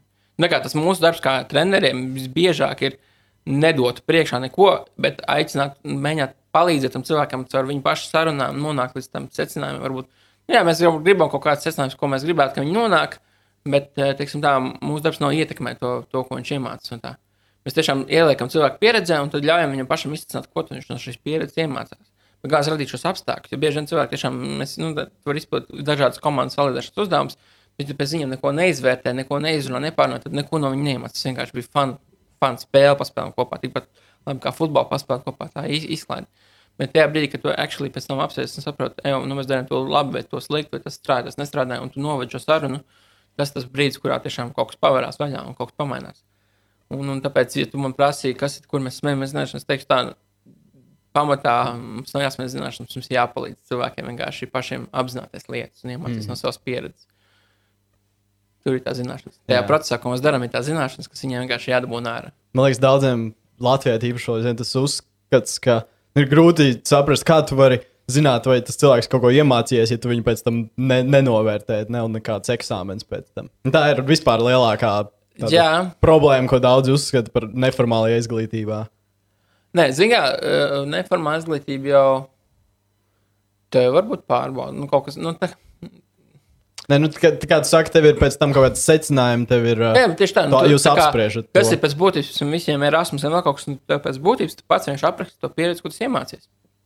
Pirms Erasmus plus tur taisa to jūtu pās, kurā tu pēc projekta, tev nevis projektā pasaka priekšā, tev mācīt to un to, bet tev rekur tev pasaka šitā kompetence, nezinu, matemātika, un tu pienski, ka, nu jā, tas projektā īstenībā tur darīt, darīt šo un to un to, man bija tur jārēķina tas, tas, tas, tas, ko es iemācījos. Tu apraksti saviem vārdiem, ko tas iemācījos. Un, īstenībā, no vienas puses tas ir, es pat teiktu, efektīvāk nekā tev vienkārši pasaka, ko dabūji, ko ciparu, pa ko dabūji to ciparu, kas cipars ir. Nu, tā kā, te tiešām reāli rakstīts, ka tu nu, pats iemācījies kaut ko un saprati kaut ko. Jo tev vienkārši eksāmenis tev, tev pasaka priekšā, kas tev jādara. Tu, tu saraksti atbildes, bet te tev atkal jādomā, opai, ko, es, ko es vispār mācījos tikko. Jā, tieši tā. Tu padomā, un tu reāli uzraksti, ko tu iemācījies. Nevis kā uz cik tu iemācījies, bet ko, ko tu pats saprati. Tu vienreiz man minēji, es atceros tādu faktu, ka tavuprāt, neformāli, ne, nevalstiskās organizācijas ir uh, sabiedrības tāds uh, valsts backbones, ka uz tā balstās. De, demokrātiski valsts. Jā. Jā. Paskaidro šo ideju. Uh, kā pastiet, pasies, kā darbojas mūsu ministrs kabinets. Nu, Palēm viņi tomēr ir pieņemot kaut kādas noteikumus, viņi vienmēr konsultējas ar kaut kādu nozaru pārstāvniecībām. Viņi tur ir arotbiedrības uzaicina, vai tur biznesa, nu arī kas ir biznesa pārstāvniecības, un tad, tad tam līdzīgi, jā, uzaicina vienmēr runāt, tie tie partneri, vai zemko, zemkopības ministrija uzaicina cilvēkus no zemkopības e, saimas, e, zem, zemnieku saimas, piemēram, runāt par to, kas ir uh, valstī visvajadzīgs zemkopības jautājumos. Jā. Tas, jā, un tie ir tā tās pārstāvniecības, jo neticīgi mums vairāk šīs pārstāvniecības, jo, jo demokrātiskāk mums tā sabiedrība ir. Ir tā pārstāvniecība, viņi, viņi jau ir pārstāv tos cilvēkus, pēc tam iet pie valdības, un valdība no viņiem, nu, tā kā, tās valdības, kuras neņem to vērā, tās valdības ilgi neeksistē. Bet arotbiedrības jau nav gluži ne, nevalstiskās. Tās Arotbiedrība ir. jā. nevalstiskā organizācija. An- Jā, Jā, jā, jā, Jā, jā. taisnība. arotbiedrība, tas ir nu, cilvēki, tā ir, nu, arotbiedrība noņem vārdu. Nu, ir un tas nāk biedrība, Tas nāk biedrība. Latvijas tā organizācijas. kā, nu, tev biedrības. vispār, nu, tad tur, jā, nu, jā, pamatā nevalstiskā organizācija biedrība Latvijā pēc juridiski, bet, nu, jā, tur nosaukums varbūt nav svarīgs, kas tas ir, bet, bet tieši tā tie ir cilvēki, draugi, kas pulcēs kopā un tev tie viedokļi pārstāvēti, jā. Un tu iesaisties tas pārstāvēt. Tāpat ir, piemēram, Latvijas jaunas organizācijas, ir pārstāvēts Latvijas jaunas organizācija, LJP, nē, Latvijas jaunas padomu, jā, kas pārstāv Latvijas jaunas organizācijas. Mm -hmm. Ka tur nav viss iekšā, bet kaut kāda liela daļa. Viņas atnāk pie, kopā, izlemj, kas ir problēma, kas jārisina. Tad šis LDP dodas tālāk kaut kur un lobē kaut ko. Pēc Tā veidā tika panākts, ka mums ir jauns likums vispār. Un tad, ja mēs paskatāmies kaut kādu padomju savienību, vēl kaut kur, nu, vai jebkur kaut kādu totalitāru valstu, nu, tur viss šitos nevalstiskās organizācijas visu to visu iznīdē laukā. Tur paliek, mums ir pionieri, valsts organizēti, pat baznīcas padomju savienība aizliedz. Ja? Nu, teiksim tā, nu, jo tas ir tas, kas veido to visu. To, to, to. Mm. Un, un, man liekas, tā ir tā pārstāvniecība arī. Nu, mēs dažreiz arī sakām Latvijā, ka tie, kas tur valdībā, tie jau tikai par sevi domā, bla, bla, bla. Un, un, un tad kaut kur bija nesen tā statistika, kad cik cilvēki Latvijā uz simts ir partijās. Man liekas, uz simts varētu būt. Un Latvijā partijā uz, uz simts cilvēkiem viens vai pusotrs cilvēks ir partijā. Nu, vai, vai saistīts ar partiju kaut kādu politisko. Un tu tā padomā, nu jā, ja reāli tikai viens no simts ir partijās, domāju, ka nu, tad arī viens procents actually partijas ir pārstāvēts. Tad tikai valdība tikai to savu vienu procentu arī pārstāv un tikai viņu intereses aizstāv. Un, kur mēs paskatāmies, piemēram, tādās ļoti demokrātiskās sabiedrībās, tur Norvēģija, Zviedrija, kur šie skaitļi pat kaut kādi, laikam, 40 cilvēki no 100 ir partijās. Loģiski, ka tādēļ, ja būs ievēlēts partijas, tad ir šos 40 cilvēku intereses mums aizstāv pārstāvēts. Mums nav vienkārši tā demokrātiskā iesaiste. bet Nu, man liekas, tā es kaut kas Nav lielāks tas cipars rajonos un no ārpus Rīgas citās pilsētās. Nu, to es nezinu, bet es zinu, ka nu, pat, pat Lietuvā bija laikam kaut kādi trīs vai četri. Mums bija reāli Baltijas valstīs viszemākais iesaistīts. Es, nu, es kaut kā pat biju tā, ka es tajā brīdī, kad es iestājos politiskā partijā, es kādam saku, vienkārši politika, tev līdīs, pol- kāds sakars tur fūtur. Reāli tikai tie cilvēki, kas kā Mēs skatāmies bieži vien uz valdībām, oh, tie tur augšā, bet reāli tie tur augšā, tie mēs, kas paši tur nonākuši. Tie nav nekādi ielikteņi, tie nav nekādi tur maģiskā veidā nonākuši cilvēki. Viņi nonākuši tur leģitīmā veidā, un tu pats iespējams pat par viņu esi nobalsojis. Ja? Nu, mm -hmm. Kā Jā, to es esmu dzirdējis. Man vienreiz klausījos arī viens politi politologs vai politikas eksperts eh, stāstīja tajā pašā Yes Family. Andris, es viņu gribu uzaicināt uz šo podkāstu par to, kā nu, arī jā, viņš pats studēja tur Lielbritānijā, kur ir tā politiskā iesaiste. Nu, daudz lielāka cilvēka aktīvi izsaka savu viedokli. Un uh, iespējams tādēļ mums Latvijā tas autoritārais režīms uh, Ulmaņa, Ulmaņa laikā pat strādā, jo cilvēki mums ir pieraduši pie tā, ka valsts izdara tavā vietā un tev nav jāiesaistās. Nu, un, Ulmaņa laiks bija. Tas bija visā Eiropā, tas bija klāts. Visā Eiropā bija tajā brīdī. Jā. diktatūras. Pilnīgi visiem bija teiksim, tā, nu, kaut kāda diktatūra formācija. Visi pārgāja. Oh, jā, jā, jā prasa, nu, demokrātija jā, jābūt atcerētai. Bet tas jā, ir tādā. Bet toreiz pirms mums bija tas, pirms rādās, bija arī īsu brīdi demokrātija, bet cilvēki vienkārši nemācēja. Dzīvot demokrātijā, par Jā, kas man tagad tā. jābalso, kas man Jā, tagad jā, jādara. tur arī bija jā, nemācīja, arī vienoties, tur bija saimā, cik, cik, partij, eh, cik bija saimā cilvēki, tik bija partijas aptuveni. Mm -hmm. Kaut kas tāds bija. Jā. Uh, tā kā jā, nu, ir tāds pārvaldes formāts, tagad īstenībā es nesen par to lasīju, dzirdēju, aizmirsu nosaukumu. Bet ideja tāda, ka parlaments ne, nestiek ievēlēts, bet katru gadu, vai katru, vai vienalga termiņš, vai katru, katru četrus gadus, uh, dators randomā izvēl, izvēlas simts cilvēkus no valsts. Bet viņš izvēlas, attiecīgi, lai būtu 50 no tiem cilvēkiem, būtu sievietes, 50 ir vīrieši, tur 50, nu, attiecīgi sadalīts visas tur demografiskās grupas, tur vēl kaut kas, vēl kaut kas, lai visas tās intereses būtu pārstāvētas. Un, attiecīgi, no, nu, tur izvēlas 50 sievietes, 50 vīrieši, tur eh, 20% tur gejs un lesbietes, jā, tur 80% tur eh, straight, jā. Nu, tik cik ir sabiedrībā procenti, tik arī viņš procentuāli. paņem, Un vienkārši jā, jā. izvēlas random cilvēks no sabiedrības un uzaicina viņus būt uh, pārvaldē valsts, jā, attiecīgi. Un viņi tikai uz to termiņu, tur divi, trīs gadi. Uh, un tas nāk, tev ir tā, tev ir saima, kura ir pilnībā pārstāvēta visa sabiedrība. Nevienam nav parapolitiski, tāda, teiksim, tāda politiskā interese tur būt. Jo viņam nav karjeras tālāk. Viņš nevar pēc tam vēl nākošajā termiņā būt vēl nākošajā. Viņam nav jāpieņem lēmumu, tāpēc, ka viņam liekas, ka tas viņu ļā, atļaus viņu. Pie... Jo mums bieži vien tā problēma, ka nepieņem lēmumus, tāpēc, ka tu zini, tev ir jāpieņem smags lēmums, uh, bet tu gribi būt arī nākošajā termiņā. Un skaidrs, ka tas smagais lēmums, nepopulārais lēmums ir daudz svarīgāks mm. valstī, bet, bet, bet jā, tu viņu nepieņem, tāpēc, ka jā, tev, Viņš nav populārs. jā, tieši tā, viņš nav populārs. Jā. Jā. Un, un uh, attiecīgi, tur ir daudz tāds reāli pārstāvētāks tas, tas, tas uh, cilvēku kopums, jā, varbūt pat grūtāk uzpērkams, teiksim, tā ziņā. Un, attiecīgi, nu, jā, viņi vienojas, viņi pārstāv idejas. Un, teiksim, pateikt, ka tur, oh, tur, ko viņi zina, vēl kaut ko. Bet viņi zina, viņi zina tieši to, kas viņiem interesē, viņiem jāzina. Jā. Tas ir profesionāla, profesionāla valdība, kas, kas izdara uh, lietas profesionāli, kur tev ir tiešām jomas pārstāvja kaut kādi, bet, bet tieši tas, kur tev pieņem beigās to likumu, tur tev vienkārši ir kaut kāds sabiedrības maksimālais kopums. Kāda ir mīnus šādam, šādai pārstāvniecībai, šādam modelim? Es godīgi tas bija viens sen, kas par Labi, pētīja. mīnus, droši vien, kāpēc tas ne, ne, ne, nenotiktu, vai nav noticis nevienā valstī, nav šāda. Nes, Man liekas, ir, ir valsts, kas gribēja eksperimentēt, vai tāpat tāpat Tādēļ, Islanda ka- nebija, kad gribēja eksperimentēt. Nu, Īslanda izklausās pēc valsts, kas varētu kaut ko tādu darīt, bet uh, nu, tādēļ, ka politiskās intereses vienkārši politiķi negribētu, lai kaut kas tāds notiek šobrīd. Tāpēc, uh, Jā, jā, protams, viņi ka tas pārstāv savas intereses. Jā, jā. Tur es domāju, ka mīnus arī varētu būt, nu, tiešām noteikti, varbūt, kas ir tie, ā, kas tad ir tie demografiskie rāmi, cik daudz mēs ņemam un ko mēs neņemam vērā. Un domāju, ka tur varētu būt tā lielā debata. Teiksim, un tas varētu būt arī tas rīks, kā mēs uh, ietekmējam. Nu, uh, ja sastāvdaļā to demografisko grupu, mēs varētu ietekmēt to rezultātu. Mm -hmm. Tā kā Nezinu, gan jau nākotnē, pēc pāris simtiem gadu, cilvēki, kuri dzīvos tādā sabiedrībā, uh, kur tas viss liekas norma, pieņemsim kaut kur, nezinu. Teorētiski pēc pāris simtiem gadu tas ir norma visā pasaulē, ka šādi Um, mēs dzīvojam. Viņi smiesies par mums, kā jūs varējāt. Jā, jā. Es nezinu, tas ir domāts par daudzām lietām. Par, arī, piemēram, Austrālijā pirms kaut kādiem uh, pāris gadiem bija vēlēšanas, kur piedalījās partija, bet viņi palēnām piedalījās nevis kā partija, viņi piedalījās kā aplikācija. Viņi piedalījās jaunu pārvaldības formātu, kad tev viss nu, tā kā ka ir aplikācijas, arī par kaut kad bija vairākiem gadiem domās, reāli aplikācija, ka tev nu, kaut kādi jautājumi, kas nāk izlemt, un tev ir Tad, ja aizlemj jautājumu šajā rajonā, tieši tad šiem rajonu iedzīvotājiem nosūta tur jautājumu, vai mēs nosētam kokus uz puškinu ielas. nenocērtam. Un tur nesūta tur imants iedzīvotājiem, bet viņiem neinteresē, kas puškinu ielas. Mm -hmm. Un tur pretī notiek kaut kāds atkal lielāks jautājums, izsūta pāriem. Un tev tur iespējams nepiedalās, piedalās, bet tev aplikācijā ir. Tu esi valsts pārvalde, tu vari balsot vēl kaut kas tamlīdzīgs. Un tu esi kā iesaistīts tajā, jā, tas process ir demokrātisks. Es zinu, ka nu, jā, bija kaut kas tāds variants, nāca arī.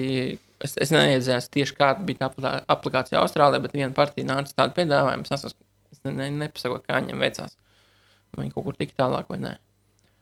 Labi, mēs jau aizrunājāmies par, par politiku, bet uh, sanāk, ka nevalstiskās organizācijas kaut gan tās tieši neiesaistās politiskajās darbībās, tās patiesībā veido valsti.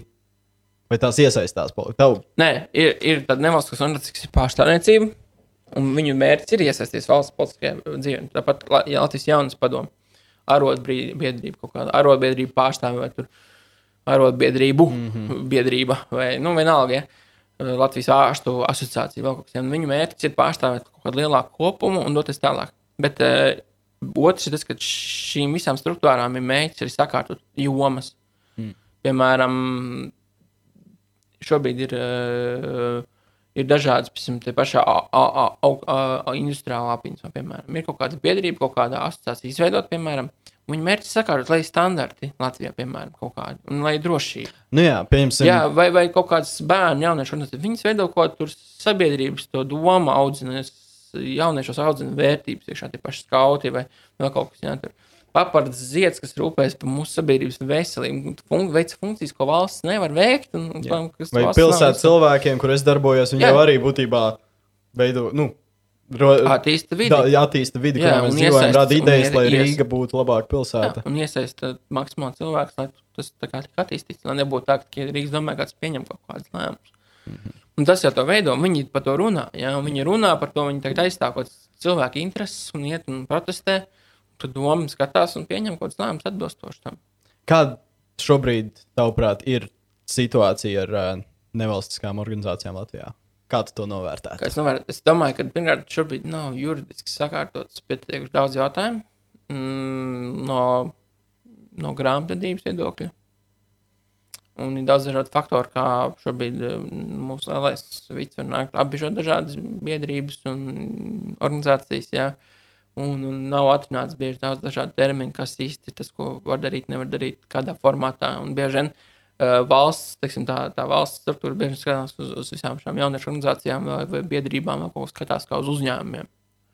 Nāk un, un soda kā uzņēmums, un, un tam līdzīgi tur viss strādā Bet, brīvprātīgi. bet bieži vien jau tie, tur ir gan biedrība, gan uzņēmums. Tā kā piedzimta garam jau arī tā ir, vai ne? Nē, biedri vienkārši ir biedrība, viņš nav uzņēmums. Tas nav uzņēmums. Jā, tur ir lieta, ka tas nesakās. Kā, nu, tas, ka tu kaut ko, nezinu, kādā veidā esi biedrība kādam kaut ko pārdevis, ir.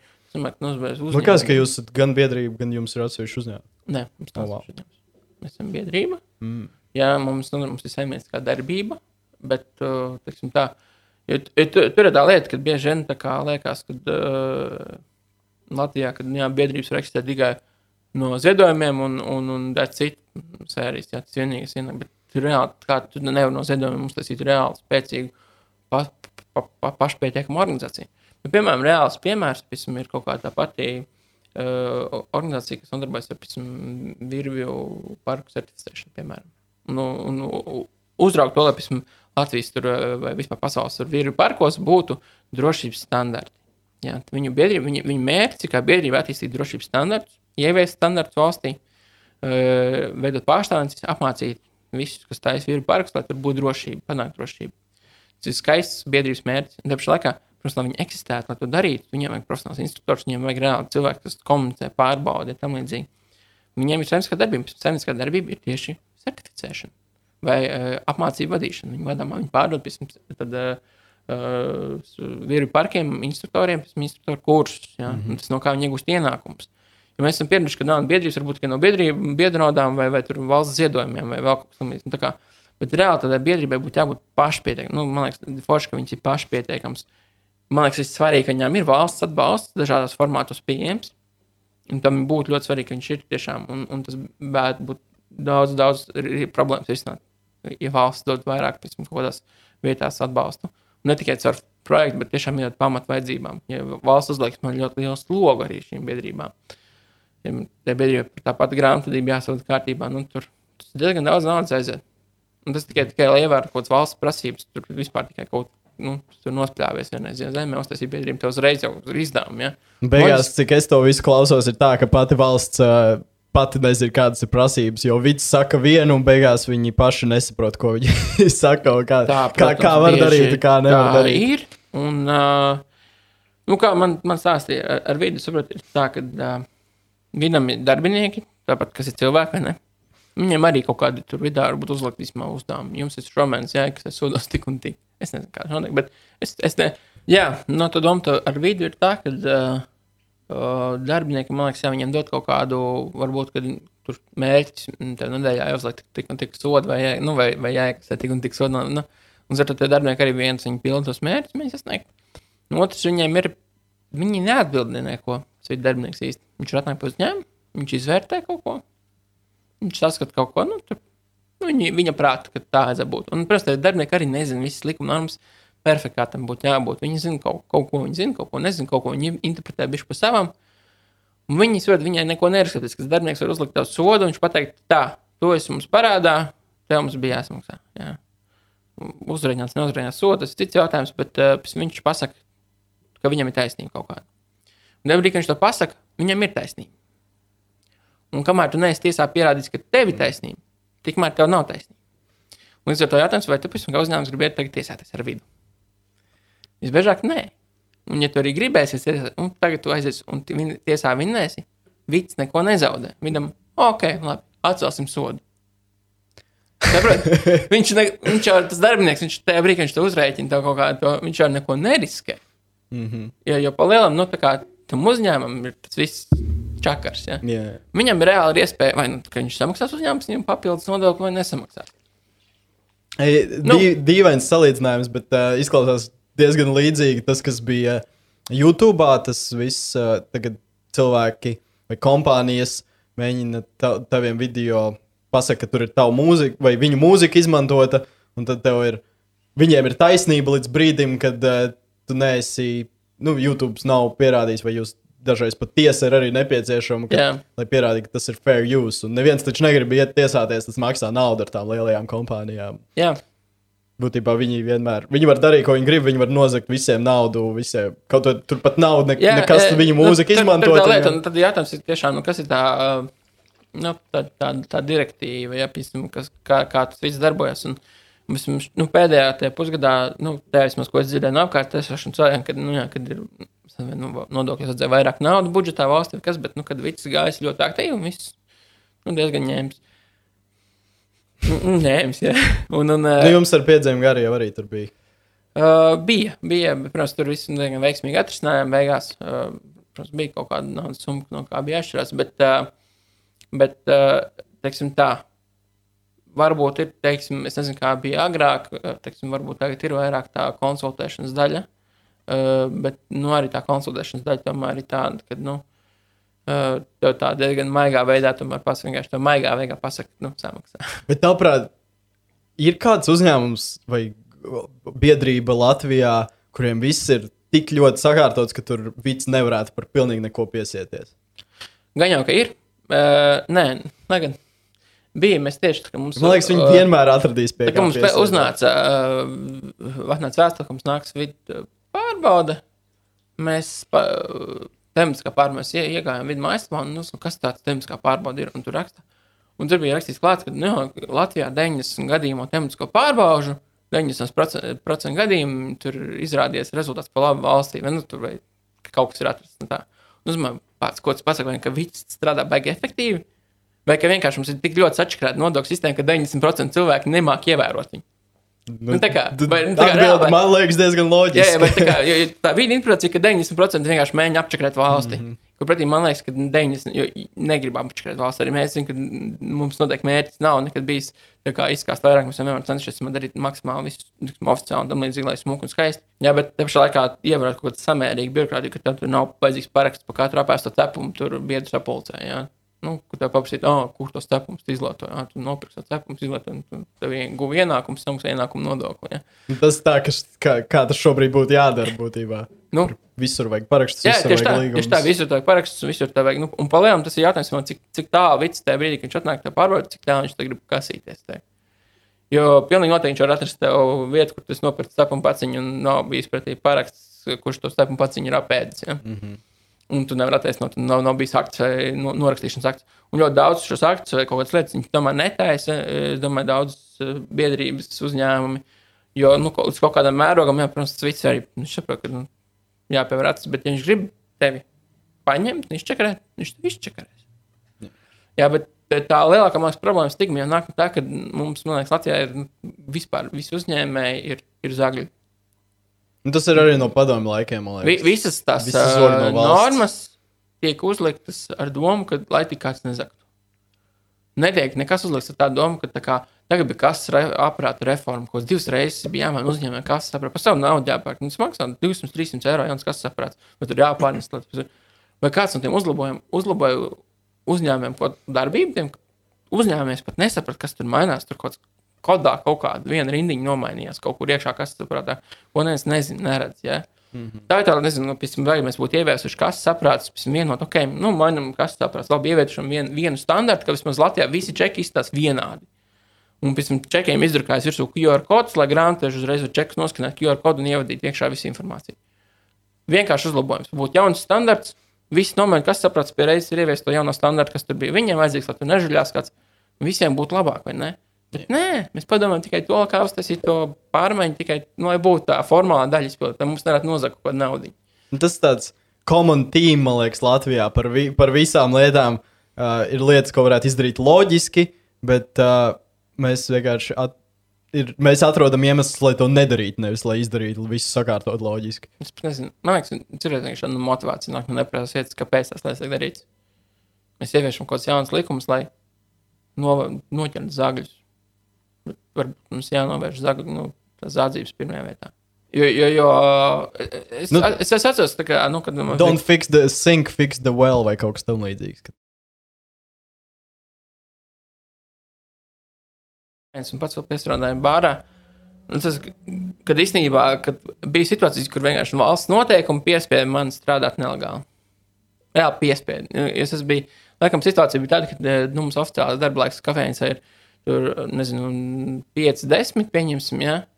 Un tā, ka tev desmitos no jāvar ciet, tev jāslēdz, kas saprāts ciet. Mm -hmm. Pēc desmit neko nedrīkst darīt, kas saprātā.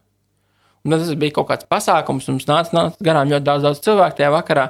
Laikam pēc prāta vēstures koncerta kaut kādā 15. gadā tas bija. eh, Vai 16. Un uh, nāk garām ļoti daudz cilvēku, un, protams, nu, viņi vakarā grib ienākt pēc desmitiem, tur kafejnīcā padzerties vēl kaut ko un, un, un aiziet uz tolti. Un tad tev ir tāds, nu, bāc, tā kā es gribu īstenībā viņus apkalpot. Es gribu, no, nu, esmu uzņēmis, es gribu nopelnīt šajā brīdī. Man ir svarīgi nopelnīt, tāpēc, ka nu, reāli nu, no tādas nopelnītas nu, uzturēšu to uzņēmumu, samaksāšu algas un vispār, nu, varbūt, lai, lai iz- izdzīvotu. Tas ir svarīgi. Ja, un tajā brīdī man nav nekādas problēmas samaksāt to nu, tā kā valstī naudu. Jā. Bet tajā brīdī, ja es situ kaut ko kasaprātā, man būs sots. Mm -hmm. Un tad jautājums, kāda man motivācija ir, kā, tad loģiski es tad ņemšu naļikā. Nu, lo- loģiski, ka tā nauda nāks neoficiāli iekšā, un loģiski, ka tajā brīdī es izdaru pārkāpumu. Lai gan es būtu mierīgi, ja nebūtu kaut kāds stulbs noteikums par to, ka kas saprāts nedrīkst strādāt, nezinu, pēc, nedrīkst strādāt pēc tam, kad tev darba laiks beidzas. Kam tas noteikums ir vajadzīgs? Ko tas dod? Mm -hmm. Un Viņš ir ieviesis tikai tāpēc, lai nezinu, kontrolētu kaut kādu mistisku, kaut kādas, kas tiešām tur vienkārši žuļās kaut ko. Neizķeriet uz žuļus, nevis, nevis vienkārši ieviesiet visiem pārējiem. Tomēr a- 80% sabiedrības ir godīgi. Bija kaut kur eksperiments Agenskalnā, kur viņi noka saldējumu kārbu, nu, saldējumu šo te, to būdiņu, un vienkārši noka kasīt, un cilvēki paši iemet naudu, viņi paņem saldējumu. Viņi filmējuši to Agenskalna tirgus, kur nav pats labākais kontingents. 80% izdarīja visu godīgi, kaut kā 10% iekritīgi maz naudiņas, un tad bija kaut kāda procenta, jā, kas kaut ko tur nožēlīja. Ir citas valsts. Īslandē viņi tikai šādi, principā, aizbrauc kaut kur, nezinu, tev ir Airbnb mājiņa kalnos, un tur ir rakstīts, ka tu vari iemest naudu, samaksāt. Tur nav ne atslēgas, nekas, un tas pats ir Somijā. Tur ir uh, mājas, kur ir noteikumi. Uh, mežā tu aizēji pārgājienos, ej, pieņemsim, pa mežu, un tu tur vari palikt pa nakti, ne vairāk par divām naktīm. Nu, visi zina tos noteikumus, un principā lielākā daļa viņus arī ievēro. Un, Jā. Vispār- Arī Latvijā es domāju, ja tas tiktu vairāk ieviests, es esmu dzirdējis, ka arī Latvijā ir tādas mājas, man kāds pateica komentāros, ir, jā. uh, ka tas tiktu ievērots. Nu, nav tā, ka visi mēs, mēs esam kaut kādi. Kad tik nopelnīti, kad tik kaut ko ir tā riska analīze ir uh, par to svarīgi. Bet, uh, ļoti labs piemērs. Bija kaut kad uh, pirms pāris mēnešiem vienā seminārā, seminārā, bet tādā pieredzes apmaiņas braucienā. Mēs braucām pēc skolām, uh, skatījāmies, kā viņi izlietojuši kaut kādas projektu naudas. Un bija vienā skolā, kur ir telpa, kur uztaisīts robotikas pulciņš. Tie Lego, uh, Lego mainstormi robotiņi. Jaunieši stāsta, tur ir tas, jā, jauniešiem rītīgi tur patīk, vispār labi. Nu, protams, kaut kas ir laikam tur pazūd, kaut kāds detaļas, kaut kas saplīs, bet tas viss normāli. Nu, mēs tur rēķinamies. Tā kā nopērkam kaut ko klāt, nu, tur kaut kā neliela zaudējuma ir. Un, un tā, cik bieži tas notiek, nu, mums noteikti ir pirmais, ka mums tie pirmais var atnākt tur skolotājs, kurš mācītos LEGO mm, brīnumīs un. Nu, kā, līdz ar to jaunieši var darboties tur vienu stundu, viņi kaut ko saliek, viņi nespēj salikt līdz galam to robotiņu, viņiem jāiet ārā, ir, jo nāk nākošā grupiņa iekšā. Nodarbības notiek tikai pirmdienās. Ja? Gribēšana ir nenormāla. Jaunieši gribētu to darīt, bet reāli nu, nevar darīt. Un es domāju, pats, a, a, kāpēc tikai nu, laidiet tos jauniešus iekšā, nu, tā kā citās dienās uz, paņemiet tos jauniešus no vecākām grupām, kas māca vairāk, lai viņi vada mazākas grupiņas. Un uzreiz un tur, zin, tur bija tāda skolotāja apkārt arī. kā jaunieši pie šīm tehnikām vēl kaut kas tur saplīsīs. Un tas tā pašai, nu, labi, cik, kas notiek? Nu, vienu to komplektu viņš tagad, nezinu, nozog, saplēš, iznīcina vienu komplektu, cik viņš maksā 100 eiro. Cik maksā skolotājiem samaksāt vienu dienu algu ar nodokļiem? 70 eiro. Tad, nu, tā kā vismaz divas dienas paņem skolotāju, tev jau es atpelnīju, man nepaņem skolotāju, bet noriskē, ka saplēšu vienu komplektu. Un tā ir tā riska analīze. Jā. Un, un, un es, es ticu, ka vispār neplēs tos komplektus, iecelt uz jauniešu atbildīgi. Nu, protams, būtu dabīgi kaut kas saplīst, kaut kas notikas, bet nebūtu vairāk kā tad, kad tur ir tas skolotājs. Bet tie jaunieši iemācījās daudz vairāk, un viņi vadīt varētu mierīgi. Jaunieši varētu, jo viņš arī teica, ka, nu jā, un pie 8. klases mums tie jaunieši vairs nenāk, viņiem vairs nav interesanti. Bāzes iedot tam 8. klases jauniešiem vadīt, viņam būs tik interesanti, ka viņš varēs, tā, viņš varēs tā attīstīties tālāk un pats domāt un izdomāt tiešām krūtākus challenge, ko dot sīkākajiem vadīt. Mm -hmm. un, kā, un tur tev tu atrisināt visas problēmas. Bet, nā, tur... Tas ir līdzīgs princips. Es skatījos tādu video, vai kas tas bija par to, kādēļ uh, spēļu laukumi ir pārāk droši bērniem. Jā. Ka tu būtībā labāk būtu uztaisīt viņus nedaudz bīstamākus, jo patiesībā tad viņi būtu vēl drošāki. Jo tagad tu bērnam iedod atbildību. Tagad viņš arī izturās atbildīgi. Viņš arī izturās atbildīgi. Tieši tā, tā. viņam patīk meklēt robežas. Viņš meklēs robežas. Un Un, un, Tas pats dažreiz bez, pieņemsim, kaut kādas vietas, kur ir uh, ūdens, pie Daugavas drošāk ir bez margām. Tur, uh, jā. jo tad, ja ir margas, tad vairāk cilvēku liecās un lielāka iespēja, ka pārkāpj pāri. Jā, tieši tā, tieši tā. Jā, tu minēji par uh, stulbiem likumiem. Kas, ko domā? Jums tagad ir arī piedzīvumi gars, visi pasākumi, viss ir apstājies. Arī peļņa noteikti nav. Jums uh, ir kaut kāda. Peļņa nekad nav bijusi. Ne peļņa, bet apgrozījums. Jo peļņa nevar būt jā, jā, tā. Jums ir kaut kāda kaut ko valsts kompensē um, šobrīd? Vai? Mēs neesam pieteikušies. Esam par to domājuši, bet šobrīd neviens no tiem mehānismiem, kas ir, nu, mums tur baigot to ienesumu nerada. Mums ir katram, cik mēs arī strādājam citās vietās, mums ir iespējams izdevīgi ņemt to dīkstāvu citās vietās. Jums pat īstenībā ir tā, ka dažreiz vietās, kā, es pat varētu darīt, turpināt kaut kādu kā, projektu, pamazām darīt no mājām kaut ko bišķiņu. Ja?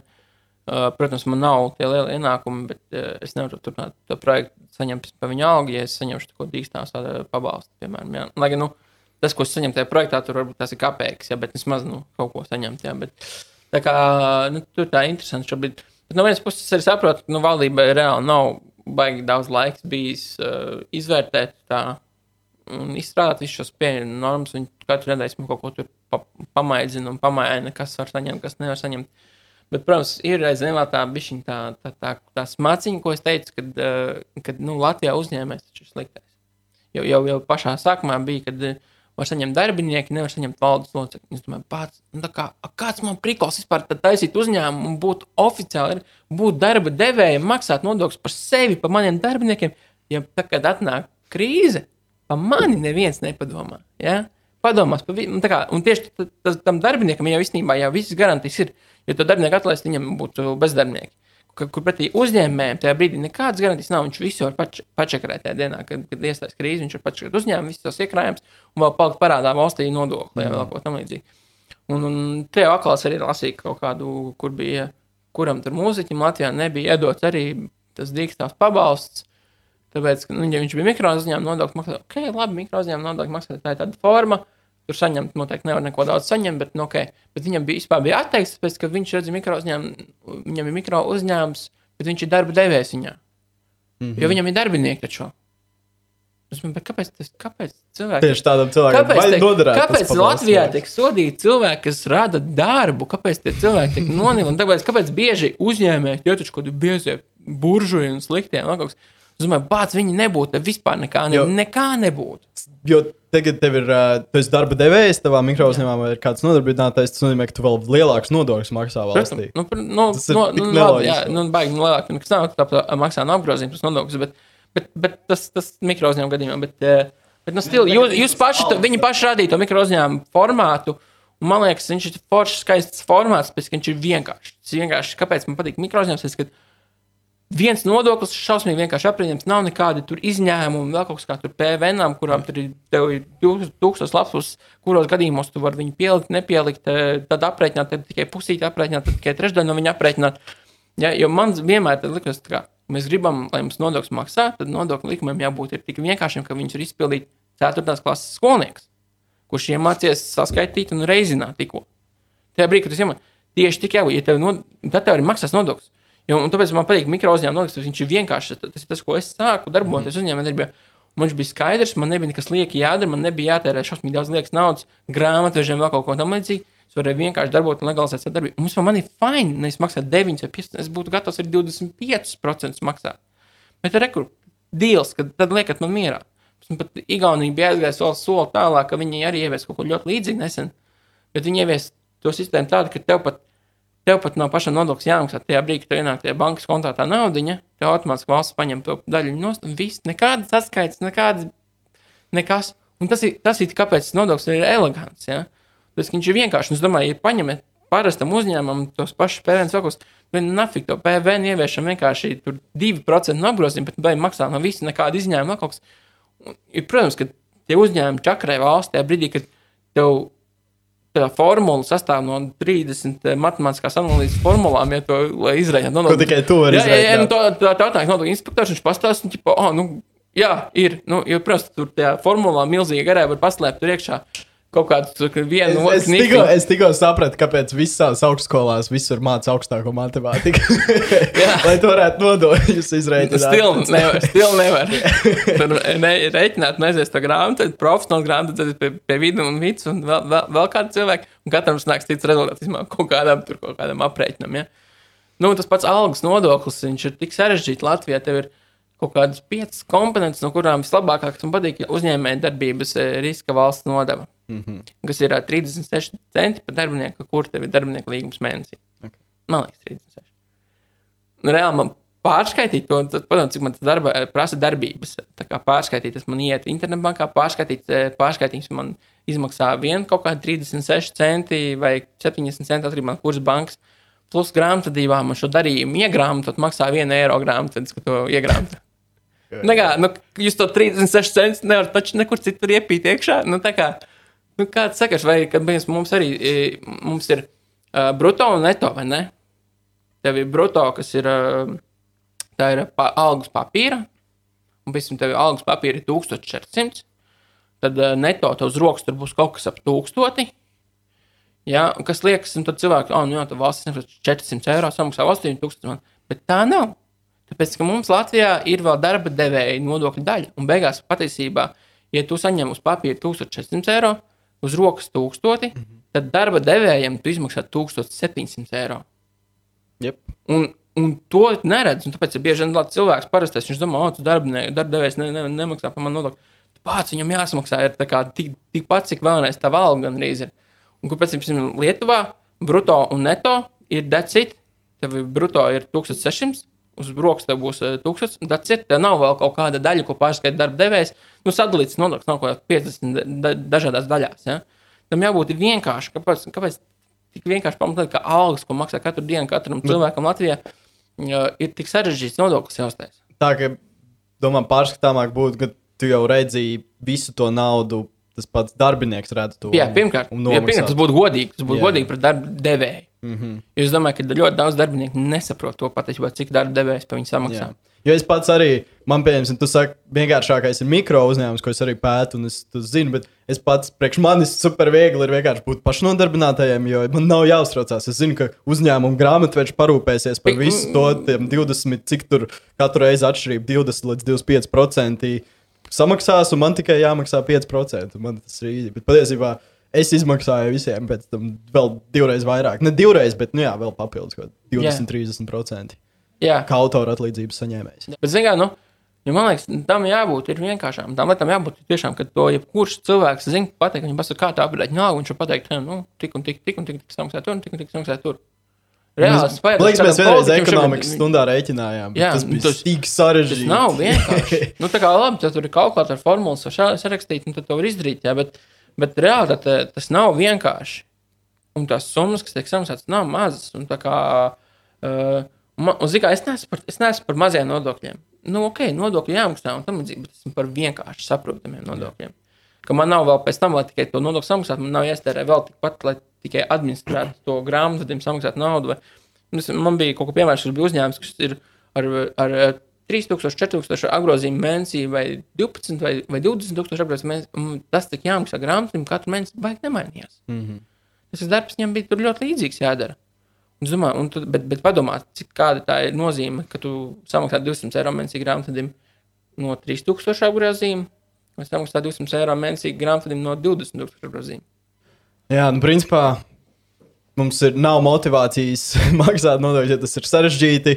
Un, jā, kā teica arī, ka tu neredzi to atdevi, jo es runāju šodien ar uh, paziņu.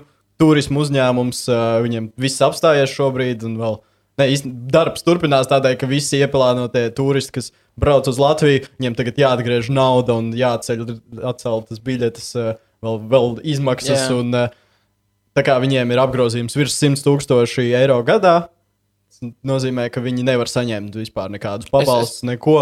Un Kaut gan viņi maksā vislielākos nodokļus valstī. Jā, es, Kur- es par kur šo vēl nebiju es dzirdējis par to 100 tūkstošu slieksni. Es neesmu dzirdējis, es nevaru komentēt, kas tas ir.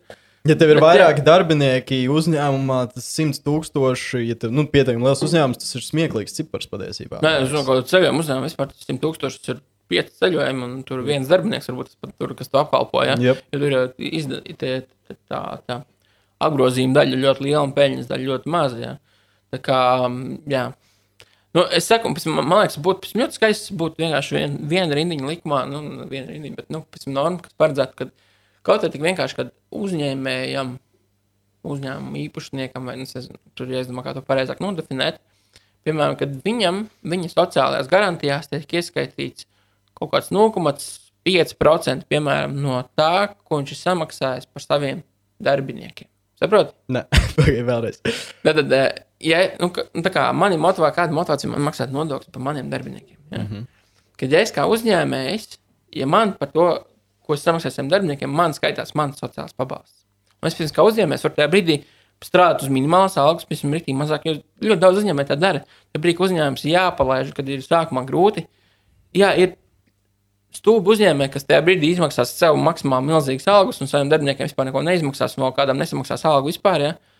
Jā, ir svoloči. Jā. Jā, bet, bet normāls uzņēmējs, vismaz tie, kur attīstās un kas kaut kur nonāk, un kas ir kaut kādi forši cilvēki, uh, nu, viņš smagais pirmos mēnešus par savu algu neņems ārā. Viņš sev nemaksās. Viņš tur, nezinu, paēdīs, tur varbūt uh, uzņēmuma kafetērijā un citur.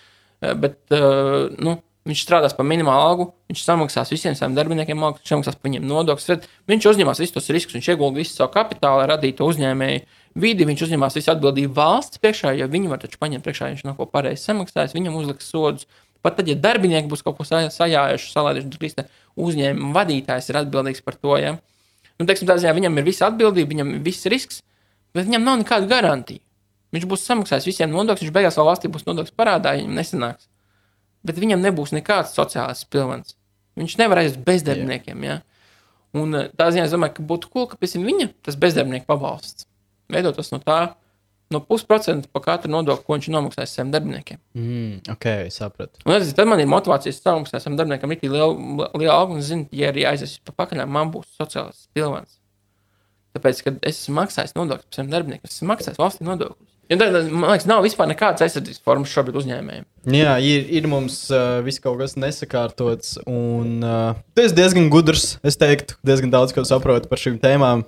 Bet vai tu pats arī esi interesējies? Ne, ne tikai runājis gudri par politiskām lietām un par politiku, bet arī uh, pats kaut kur iesaistīties, kaut ko darīt. Um, es esmu iesaistījies partijām, šobrīd nav sanācis. Teikšu, godīgi, aktīvi darboties partijās, bija tikai vienā kongresā. Uh, tur uzstājos, parunāju. Uh, Bišķiņi, kas ir teiksim, tā mana politiskās karjeras uh, virsotne. Progresīva. Progresīva. Jā, nu, teiksim, tā, nu, es, es, es, es jau darbojos. Teiksim, tā varbūt nedarbojos tieši, tieši politikā, bet nu, to- tomēr katru dienu darbojos kaut kādā nevalstiskā sektorā, kaut ko attīstīju un bīdu. Un, dodu arī, ar cik mēs darbos sadarbojamies pašvaldības institūcijām, mēs dodam kaut kādu savu atgrieznisko saiti un ieteikumus un uzlabojumus, un ko mēs redzam, un kā nu, kaut kas jau mainās. Bet, uh, protams, nu, tā enerģija arī ir tik daudz, cik ir. Uh, gribētu būt sakārtot nu, maksimāli to personīgo dzīvi, lai tur mm -hmm. ir smūgi, lai ir jums ir galvas kārtīgi un pašam savu nezinu, mitklis kārtīgi, kur dzīvot. Un tāds, tas, un tad jau var iet rītīgi pērties tālāk. Nu, un es, es, es, domāju, ka, nu, politika un tāda politiskā skatu varētu būt mans kaut kāds karjeras nākošais soļi, iespējams. Jā. Bet ar to bet- iesaisti, kas ir caur nevalstiskajām organizācijām, tavuprāt, to pietiek vai ar to nepietiek? Ar to var radīt kaut kādas pārmaiņas politiskās. Protams, Nu, tu esi to protams, redzējis personīgi. Tu kaut kā vari redzēt, brīvs, kas man pārmet, nu, tā, tā kā tas, ko es pēdējā laikā izdarīju, man tiešām ir pazīstami vairāk politiķi jaunajā semā. Nu, tiešām, kas ir kaut kādi bijušie skolas birokrāti, kas ir tagad semā. Un tagad es jūtu, ka kaut kas nav valstis, man viņam uzrakstu. Personīgi viņam ir atbildi, mēs viņam izrunājam.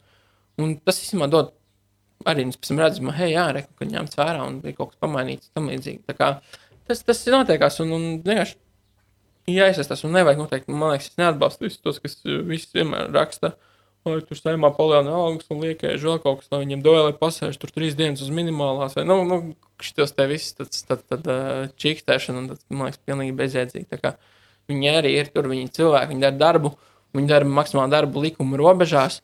Jā, dažreiz sautīgāk, dažreiz nesautīgāk. Vai, vai izmanto likumu savā Bet- labā? Bet, bet izmanto likumu savā, nu, pagaid, nu, likumu, tas, tas ir, zinām, sodīt kādu par to, ka viņš izmanto likumu savā labā. Tas ir, Nē, nu jā. tas ir Mēs kā- visi izmantojam Tas ir, tā kā, tas ir tā kā, nezinu, tā kā, kad tu spēlē šāhu, un tagad kāds uztaisa rokādu šahā. Tu zini, tāda noteikuma rokāda šahā. Kad tu Mm, Es vari nepārzinu samainīt, šahu eh, tu vari samainīt uh, torni ar karalu vietām. Jā, kā jā, jā, sabiedrību. Jā, nu, pēc tam tu spēlē viens cilvēks, kurš zina to noteikumu, otrs, kurš nezina, kā, un tas viens izmanto noteikumu, tad tas viens, kurš to noteikumu nezināja, tagad, o, tu jau tur tagad uh, izmanto noteikumus savā labā. Viņš vienkārši spēlē, spēlē pēc noteikumiem. Nu, Tas, es- ka es- tu to noteikumu nezināji, nemāki izmantot. Es, nenos- es vairāk runāju par tādiem, kur, nezinu, tur iesaistās kaut kādās, nezinu, viņš strādā saimā, un tad viņš vēl ir tajā kaut kādā frakcijā vai darbojas tur, tur.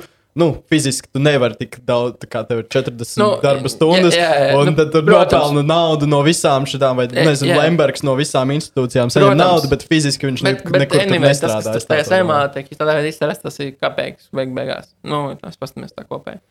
Un, un, un, protams, nu, bet mēs ievēlam tautu. Nu, saima ir tautas reprezentatīvs. Tie nav akāli, tie nav nekādi īpaši. Tur es, es varu rītā iet un nākošanas saimnes vēlēšanām, pa man balsos, un es tur būšu. Tu vari iet un tevi balsos, un tu tur būsi. Nu, attiecīgi, ko mēs paši esam ievēlējuši, tas tur arī būs. Ja tu iebalsoji to čāli no savas bijušās skolas, kurš eh, mē- mēģināja aiz skolas divcītī no skolas kafejnīs nostrīdīt un, un izsūkt pa klusā. Nu, labi, skolas kafejnīs divcīšas laikam nevarēja nopirkt. Bet, nu, tā doma, ja tu pats ievēlēsi to cilvēku, kur tur jaunībā sūdz kopā vārī, un tu zini, ka viņam patīk viņš kaut kur kaut ko nostrīdīt, tad ko tu sagaidi? Jā. Nu, tā. Bet, nu, arī jāsaprot, ka, protams, viņiem te politiķiem viņiem jārā, jā, jādarbojas likuma rāmjos. Jā, viņi nevar. Uh, tagad jau ir daudz paskaidrojumu, tur ministrs kabinets, tur, tur nē, nu, valdība nepieņem tur tāds, tāds lēmums. Viņi pieņem lēmumus, ko viņam atļauj likums šobrīd. Viņi nevar priekš pieņemt lēmumu, uh, kā tur bija. Kad, Ants, jā, viens diskusija bija par tiem repatriācijas reisiem, kad atlido atkal, un tur, protams, apakšā ir milzīgs komandas. Jā, atkal Latvijā ielaidīs šitos te kā ģērbti no karantīnas, visi atlido, un tur vēl kaut kas, un tur, tieši las, un tur bija rakstīts, ka, ka uh, uh, iespēj, būs iespējams veikt to testu uh, slimnīcā, uh, ne, bet uh, lidostā, bet nav obligāti. Kā nav obligāti, tur kā var nebūt obligāti, tur var šitie pajoli, tur valdība nav obligāti, visiem tur obligāti vajadzētu tur testēt. Un es, domāju, pirmkārt, A, tu nevari. Tev likums neļauj obligāti atļaut kādam durt un ņemt viņa asinis. Nu, tur ir krimināla likumam jābūt. Ja? Jā, brīdī viņš izdarīja kriminālu pārkāpumu, tu varētu paņemt no viņa analīzes. Ja? Mums ir likuma kārtība. Ja? Protams, mēs varam atcelt tos likumus, bet atcelt tos likumus, un mums jāmaina satversmē. Ja? Un tās lielas lietas, mēs gribam, ja mēs gribam vai, saim, vai, vai valdība šobrīd maina satversmes, vai, vai, vai mēs gribam, lai valdībai šobrīd ir tāda vara, kāda viņai nepienāktos. Nu, un tas par to, un cilvēki vienkārši nu, iet moči un gāž virsū kaut kādu putru. Ja? Es sagaidu, ka šeit arī būs vētra. Vis kaut kādi komentāros tie paši tur gudrie sāk, sāks rakstīt. Bet uh, man liekas, diezgan veiksmīgi ir sanācis uh, parunāt par tēmu, par ko es iepriekš baidījos runāt podkāstos. Es zinu, ka par po, tagad tu sāc runāt par politiku, tad aiziet tur visu. Kāpēc jūs par politiku runājat? Bet uh, man liekas, ka diezgan sakrīgi, diezgan forši. Vai tev ir vēl kaut kas piebilstams? Es... Es pat nezinu, es varētu rantot daudz un daudz par par Teslām varam parunāt. Tu gribi, mēs varam. tu neesi tāds, kuram, kurš, kuram ir tāds. Nē, man vajag mata, mašīnu ar rūcošu motoru. Es nekad nepāriešu uz elektroautorātu. Es esmu praktisks cilvēks. Teiksim tā. Maksimāli praktisks. man- Jā, jā, noteikti. Man nav svarīgi, kā tas skan vai e, kāds tam nosaukums. Man ir svarīgi, kā tas performē un e, cik tas maksā. Jā. Ko domā, kas, kas, kas, kas šobrīd ir vispraktiskākais, kādu auto pirkt? Kādu auto pirkt? Uh, lētu, lietotu. Nu, te, teiksim tā, nu, kaut kur tādu vidēji nolietotu lētā cenā, kuram, jā, ma mazs ieguldījums varētu būt. Tas būtībā Ideja, teiksim tā, tad, nu. tas elektroautorāts pārāk dārgi, un tas neatmaksājās. man, man, protams, grib, man nenormāli gribētu uz Teslu braukt, pašam, pašam ar Teslu braukt, bet, uh, protams, nu, Latvijas atļauties Teslu šobrīd ir vēl nākotne, un, un Latvijas elektrotīkls arī vēl ir tik ļoti tālu no tāda palicis. Un tas arī vēl viens, nu, tas ir tāds arī.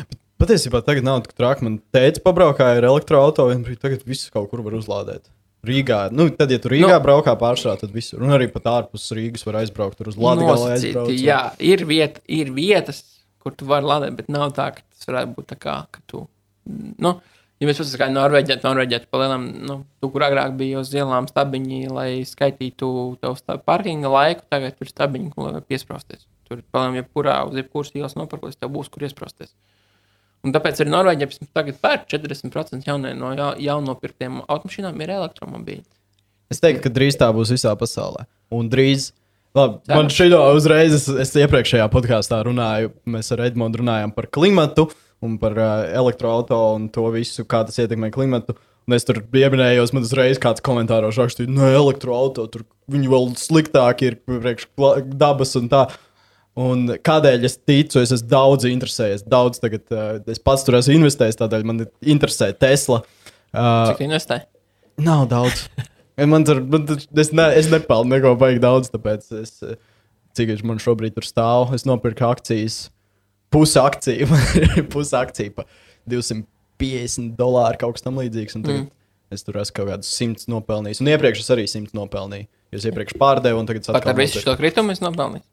Nu, es pārdevu pirms bija kritums, mm. es nopelnīju simts, un tagad es pār, nopirku bija vēlreiz, kad bija kritums. Mm, tāpēc Un tagad atkal pacēlās. man palika vaļā pozīcija, ka viņi bija augšā. Tu ne, nepārdevi. Bet tagad jau ir atkal uzgājis. nu, jā, jā, bet nu, es ticu, es arī tā domāju, ka Pagaidi. viņi vaļā, tāpēc, ka es ticu, ka tā pozīcijas eh, Tesla Es- cenas kāps un būs tikai Nu, tūkstoši. tur ir vēl baigi interesanti. Seko līdzi visiem tiem elementiem. Un, ja tu bišķiņi iedziļinies, papēti, saproti, ah, pagaidi, tūlīt kaut kas kāpsies vai kritīsies. Jo 25. datumā pēc divām dienām, kad, kad mēs šo ierakstām, viņiem būs. Jā, viņi parādīs tos cik- Rezultātus, cik jā. rezultāts par pirmo ceturksni. Nu, un- kā tev liekas? Man liekas, ka viņš ritīgi uzcelsies uz augšu. Nu, Kāpēc? Tāpēc, ka būs labi rezultāti, Kāpēc? cilvēki nav gaidījuši. Tādēļ, ka Teslas darb, darbība turpinās, jo viņiem šī krīze ir diezgan salīdzinot ar citiem uh, auto kompānijām. Viņus ir ietekmējusi ļoti maz šī krīze. Ja kaut kādas lielas BMW, Volkswagen, viņiem samazinājies ritīgi viss produkcijas un pārdotais apjoms Teslai, viņiem ir mašīnas uh, rezervētas Viņiem nevar būt tā, ka viņiem beidzās, nu, šobrīd viņiem ir rezervē cilvēki, mm -hmm. kuri jau grib, ir pasūtījuši tās mašīnas, un viņi pat nevar paspēt saražot tik daudz. Mm -hmm. Tikmēr citas auto kompānijas viņi saražo, viņām stāv tās mašīnas nepārdotas, un viņiem Jā. ir zaudējumi no tā. Es saku, uh, klausies, ko pats Ilons Masks stāstīja, ka viņiem meklē tā problēma, ka viņiem bieži vien ir pirmie rādītāji gadā ir zemi, un gada Jā. beigās ir augsti, tāpēc, kad uh, viņiem ir, ja viņi grib pārdot mašīnas uz Eiropu, kas arī viņiem ir tirgus vai kaut kur, jo šobrīd viņiem vēl nav, un tikai tagad Ķīnas ražot, bet tā nenāks. Redz, viņiem mašīna ir jā, jāsataisa, tad mašīnas tiek nosūtītas uz ostu. Tad viņas gaida, ka viņas tur savācās ostā kaut kādas pāris nedēļas, ka savācās tad 2000 mašīnas. Tad 2000 mašīnas viena pa viena tiek uzzītas uz kuģa. Tad kuģis viņi zina, cik nedēļas brauc apkārt pasaulē uz Eiropu. Tad viņi iznāk ārā ostā, tad viņas pārbauda, tad tur kaut kas nav pareizi, tad tur vispār tā mašīna ostā, mm viņas nostāv ostā. Un tikai tad viņas nonāk kaut kur uh, Eiropas tirgu, un tikai tad viņas var nopirkt, jo Eiropā nevar priekšpasūtīt. Eiropā var tikai nopirkt uzreiz. Un tad viņiem bieži vien tā, ka viņas, viņas saražojas jau, jau ir daudz, un viņiem ir kaut kāda milzīga stoks, inventorijas ar mašīnām, kas stāv vienkārši kaut kāds vairākus mēnešus. Uh, kuģos, ostās vēl kaut ko, un tikai, kad pienāk gads beigas, viņi actually viņi to nopirks. Jo viņi ražošana arī taisa, viņi, viņi ražojas pirms uh, mēnesi ražo, piemēram, tikai Dienvidkrastam Amerikas. Jā. Mēnesis ražo uh, mašīnas, kas sūtīs pro- projām uz Austrumkrastu, un tad mēnesis ražo pēc tam, ko sūtīs projām uz uh, Eiropu. Līdz ar to viņam bieži vien var sanākt tā, ka gada beigās ir viņiem ir daudz lielāki tie uh, piegādes uh, daudzumi, un tas pārdoto mašīnu skaits salīdzinot pirmo ceturksni. Mm. Kad actually tas mašīnas mēs saražots. Bet viņiem, bet uh, fakts kā tāds, tagad arī, nezinu, piemēram, Eiropā loģiski, ka nepirks daudzi Teslas, jo viņi gaida, kad pabeigs uh, to rūpnīcu Eiropā, kad varēs Berlīns. nopirkt Eiropā ražotas Teslas un tas viss būs lētāk. Tāpat kā nu, tagad tikko uzbūvēja. Ka Berlīnā ražot Tesla būs lētāk. Ja? Ķīnā ražot Tesla varbūt būs lētāk. Bet... Nu, es teiktu, ka sanāks lētāk. Es, es ne, ne, nezinu, kāda ir. Protams, nu, tur ir transporta. Jo tad viņi nav jā, jāpiegādā tev no ASV. Tas, jā, tas jā, jau ir. Tas... Viņam ir tie muļķi arī jāmaksā. Jā, jā. Tā kā tur ir dažādi aspekti, kas viņi pat. Jā, bet redzēs, redzēs. Bet, nu, Berlīnas rūpnīca vēl kādu gadu, gadu ir jāgaida, es mazliet sapratu. Tomēr viņi parādīsies online. Bet, jā, un vēl es, cik es skatos, nu, ir tāds foršs YouTuberis, ko es skatos līdzi, un viss, ko es saku, būtībā ir pārfrāzējot viņu gandrīz vai, bet. Uh, Uz Teslām. Jā, par to, kā daudzi tagad netic, ka pēkšņi visi sāks pirkt elektroautorātu, bet paskatieties uz, nezinu, uz Apple. Viņi arī parādījās ar iPhone 2007. gadā. Toreiz viss, ne, man ir Blackberry, man vajag podziņas, es nepirkšu iPhone. Ģipa, mm -hmm. viņi, tā, tas, tas, cik ļoti adaptation rate, kad cik cilvēki pāriet ātri uz to, tas ir tāds kurvs uz augšu, kad vienā brīdī nevienam nav iPhone, un pāris gadu laikā visiem ir iPhone. Un Tesla, Teslas ir kā iPhone priekš mašīnām. Tev šobrīd ne, ir Blackberry. Jā, jā, viņš, ir, viņš ir moderns.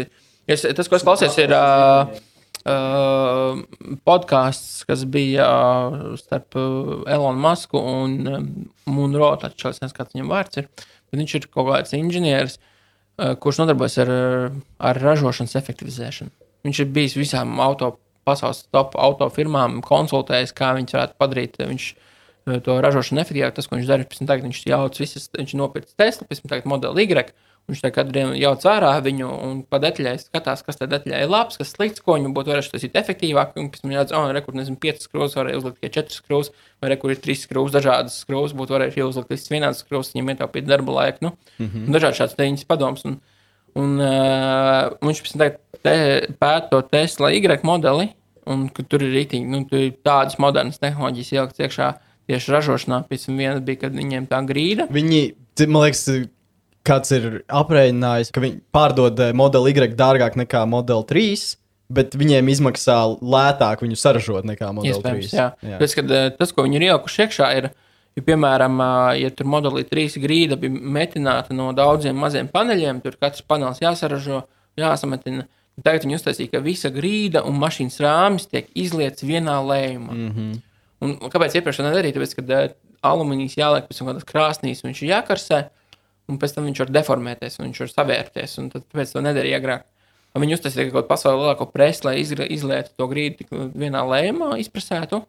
Un pēc tam viņi liek iekšā, viņu karsē, viņi, ne, viņi uztaisīja jaunu alumīniju, lai nebūtu jākarsē. Kaut kādu jaunu alumīniju sakaustēm, kas ir pilnīgi ko neviena autoindustrija paši nedara. Viņi paši nestrādā jaunu alumīniju vai nestrādā jaunas baterijas vai tam līdzīgas lietas. Un ko tas tieši tas, tas inženieris galvenais, kas, tas, kas um, runā par efektivizēšanu, viņš teica, ka Un kas ir tā galvenā testa priekšstatījuma, kad viņi dara šādas lietas jaunas.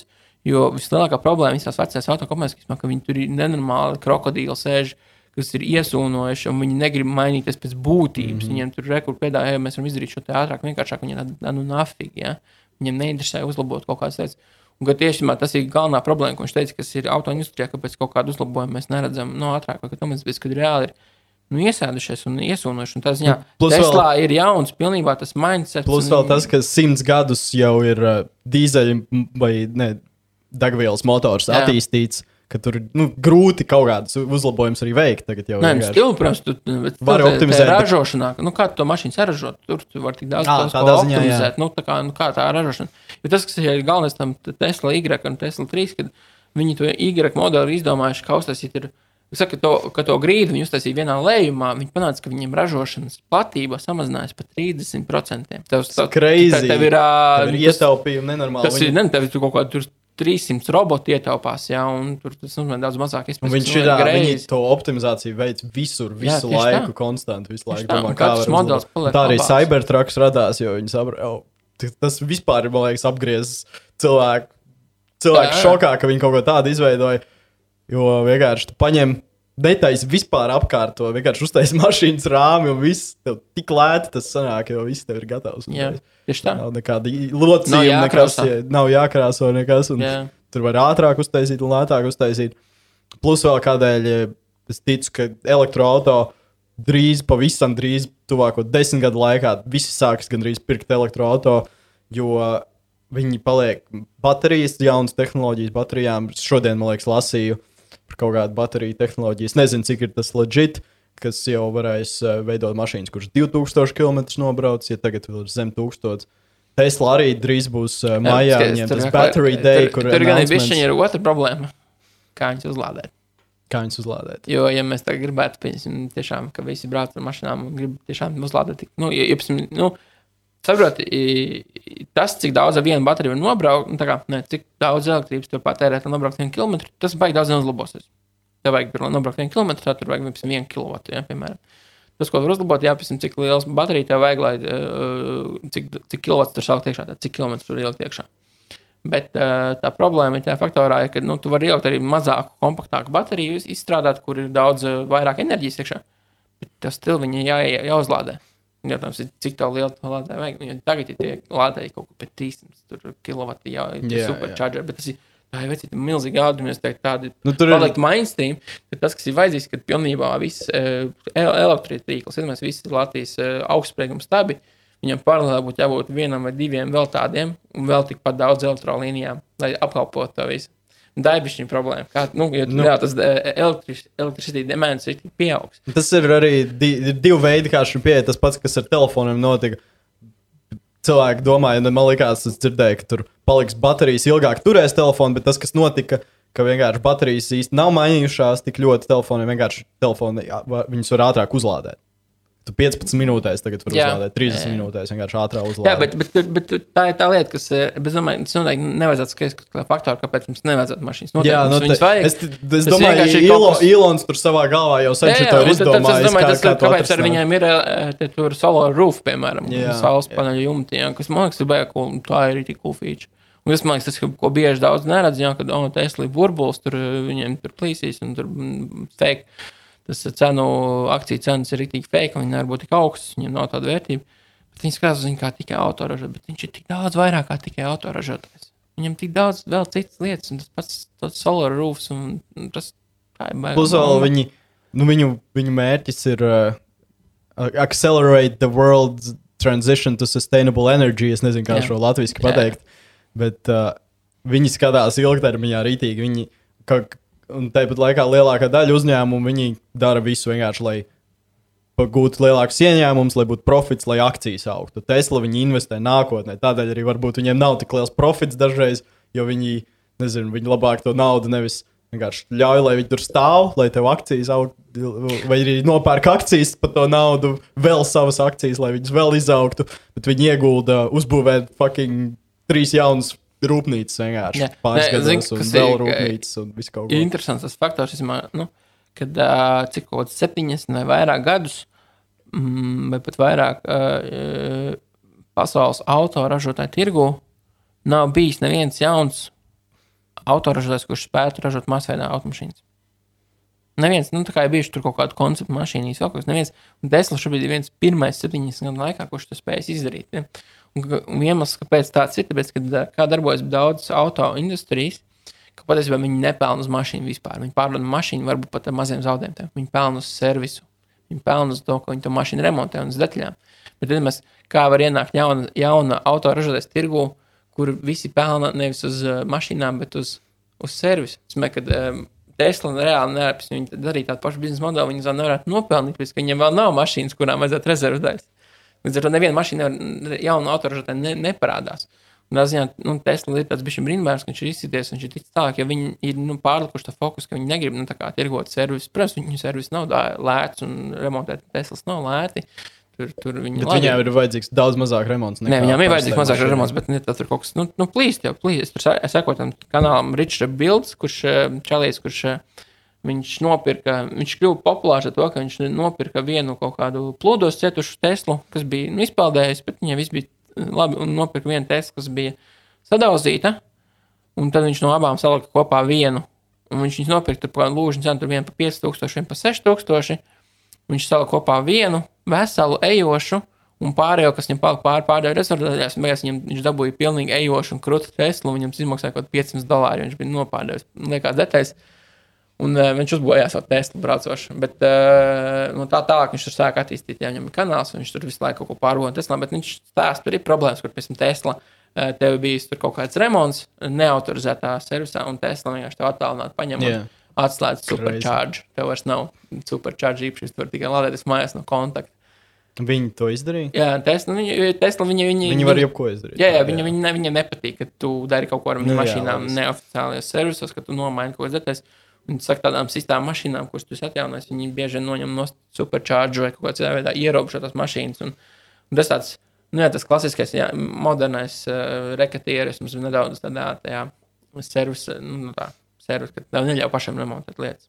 Nu, protams, viņi, viņu mērķis jau tomēr ir iegūt arī profitu kaut kādā. Nu, Nu, tas ir viens profits, jā, protams, viņi skaidri baidās no vienas puses par to savu drošību no sērijas, jo, piemēram, ja tur, nu, nezinu, Kaut uz sačakarē, šoseis aizdegās un nodeg kārtē Tesla, un katru reizi, kad kaut kur kā Tesla mm. nodegusi, ja dēļ baterijas, visiem ir baigās uzreiz, o, Tesla baig tur nav droši. kaut gan patiesībā Teslas ir eh, tieši baterija aizdegšanās, viņiem ir vis, visrētāk no, visām, no visiem jā, elektroautoriem. viņai tomēr tas imidžs viņam bojās, ja tur kaut kur ir deg, un uzreiz, bieži organizācijā. Cilvēki lasa tur ir kaut kāds, tur, kāds ir paņēmis sadausīt bateriju un ielikt iekšā atpakaļ mašīnā un lietoja, piemēram. Jā. kurai, nu, līdz ar to, jā, Tesla mēģina ierobežot tos gadījumus. Bet, nu, jā, tur ir tāds jābūt kaut kādam zelta ceļam, man liekas. Par, par to, principā, Tesla ir kā optimizācija mašīna. Es tikko arī izlasīju vakar. Uh, viņiem ir Model S jaudīgākais no 0 līdz 100, 2,3, ne, 2,4 sekundēs. Kas mm -hmm. ir greizi ātri. Un viņi vienkārši izlaiž update mašīnai, software update bez maksas, ko tu vari ielādēt, un vēl nolaiž zemāk to ātrumu līdz 2,3 sekundēm. Un tas, kā viņi vienkārši update to, to software, optimizē gan rūpnīcas savas, gan vienkārši iz, ierakst jaunas kodu līnijas, eh, programmē kaut ko tur sa sačinīt, Jā. un viss tev pēkšņi krūtāka mašīna. Tā kā update to jaunāko iPhone uz jaunāko domāju, tas, versiju. eh, tas, tas būtu, kas, kas ļoti labi salīdzina, ka cik ļoti pārējie ir atpalikuši. Kad uh, neviens vēl, kas šobrīd ražo elektromašīnas, nu, masveida tirgus elektromašīnas, nav sasniedzis pēc parametriem to, ko Tesla sasniedz ar savu pirmo 2012. gada S modeli. Jā, šo es arī esmu dzirdējis. Tas ir 8, 8 gadi. Nav, nav, nav neviena.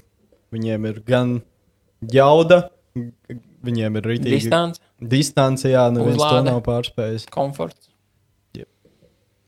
Nē, nē, tas ir fantastiski. Kā, es, es tur lasu dažreiz komentāros, visi šie, kas investē tur Teslā un raksta apakšā, o, ja es nopirku tur šī tik akcijas, un viens tur puisis ierakstīja. Man, man ir tikai 17 gadi, un es tur varēju atļauties vienu Teslas akciju. Un kāds viņam atbildēja, priecājies, puisis, pēc, varbūt pēc 10 vai 20 gadiem tev šī viena Teslas akcija par to naudu tu varēsi nopirkt veselu Teslu. Daudz tur ir rītīgi optimistiski, ka Tesla būs 3000, 5000 vērta kādreiz tā viena akcija. Jā, nu, to nevar nekad zināt. Un, Protams. Un, un Spekulācijas. ska- Skaidrs, ka tā, es biju paspējis to akciju tirgus, sapratu, ka, nu, nu, manā līmenī tur tas neko daudz atšķirās no gamblinga. Jā, aiziet tas- uz, tas ir. automātiem iemest šeit feņķikā, laķikā iekšā. Nu, varbūt izzogs, varbūt neizzogs. Ja. Tur ir, nu, nu, nē, bet ja tu ej long un tu tev ir lieka naudu, ko ielikt, tu vari jā, ņemt kaut ko un cer. Nu, protams, var gadīties, ka zinu, kā Boeingā, es domāju, kāds, kurš ir tagad ielicis Boeingā long un cerēja, ka Boeings būs baigi ok. Nu, ilgtermiņā, nu, iespējams, ka tagad ir tā bišķi sūri, ja Boeings Nu, protams. vispirms nosprāgs vispār. Jā. Bet tāpat laikā tas, kas nopirka Teslu, pa cik viņa sākumā bija Nu, pārdesmit dolāri. Un tagad, vai tas pats ar bitkoinu nopirka pa pāris centiem, un tagad tūkstošos. Ir Jā. arī tie veiksmīgi stāsti. Un tāpēc jau visi to grib un turpina to darīt, jo tu gribi būt tas laimīgais. Tāds, tas nav tik viegli, ja tas būtu tik viegli, tad viss to darītu. Viss tad ir tā, ka brīdī, kad visi redz, kas kā, sāk tirgus kāpt, viss lec iekšā. tad ir pieķis, un tad visiem jau obāts. yep. ah, šis ir labs par Teslu parunāt ar kādu, kurš arī šo saprot un ir interesējies par to. Pats grib savu cybertruku. Nu, man nav tiesības. Es gaidu to brīdi, es sapņoju par nākotni, kad uh, būs viss au autonomas, visi nevajadzēs vadītāju mašīnai, un varbūt tad man vai, būs mašīna kāda. Mm. Vai vēl man ir ideja, ja skatās pēc tiem visiem, kādus viņu ir advancementus, uh, cik tālu viņi ir tikuši ar self-drivingu, Tesla tieši. diezgan loģiski var izspriest, ka nu, viņi būs pirmie, kas to izdarīs, un diez, pēc pāris gadiem tas būs vēl, protams, likumdošana, kamēr tas viss. Bet, ja tagad, pieņemsim, es nezinu, dabūt naudu, dabūt kaut kādas investīcijas, kāds man samaksā, nopērku vienkārši Teslas un uztaisu.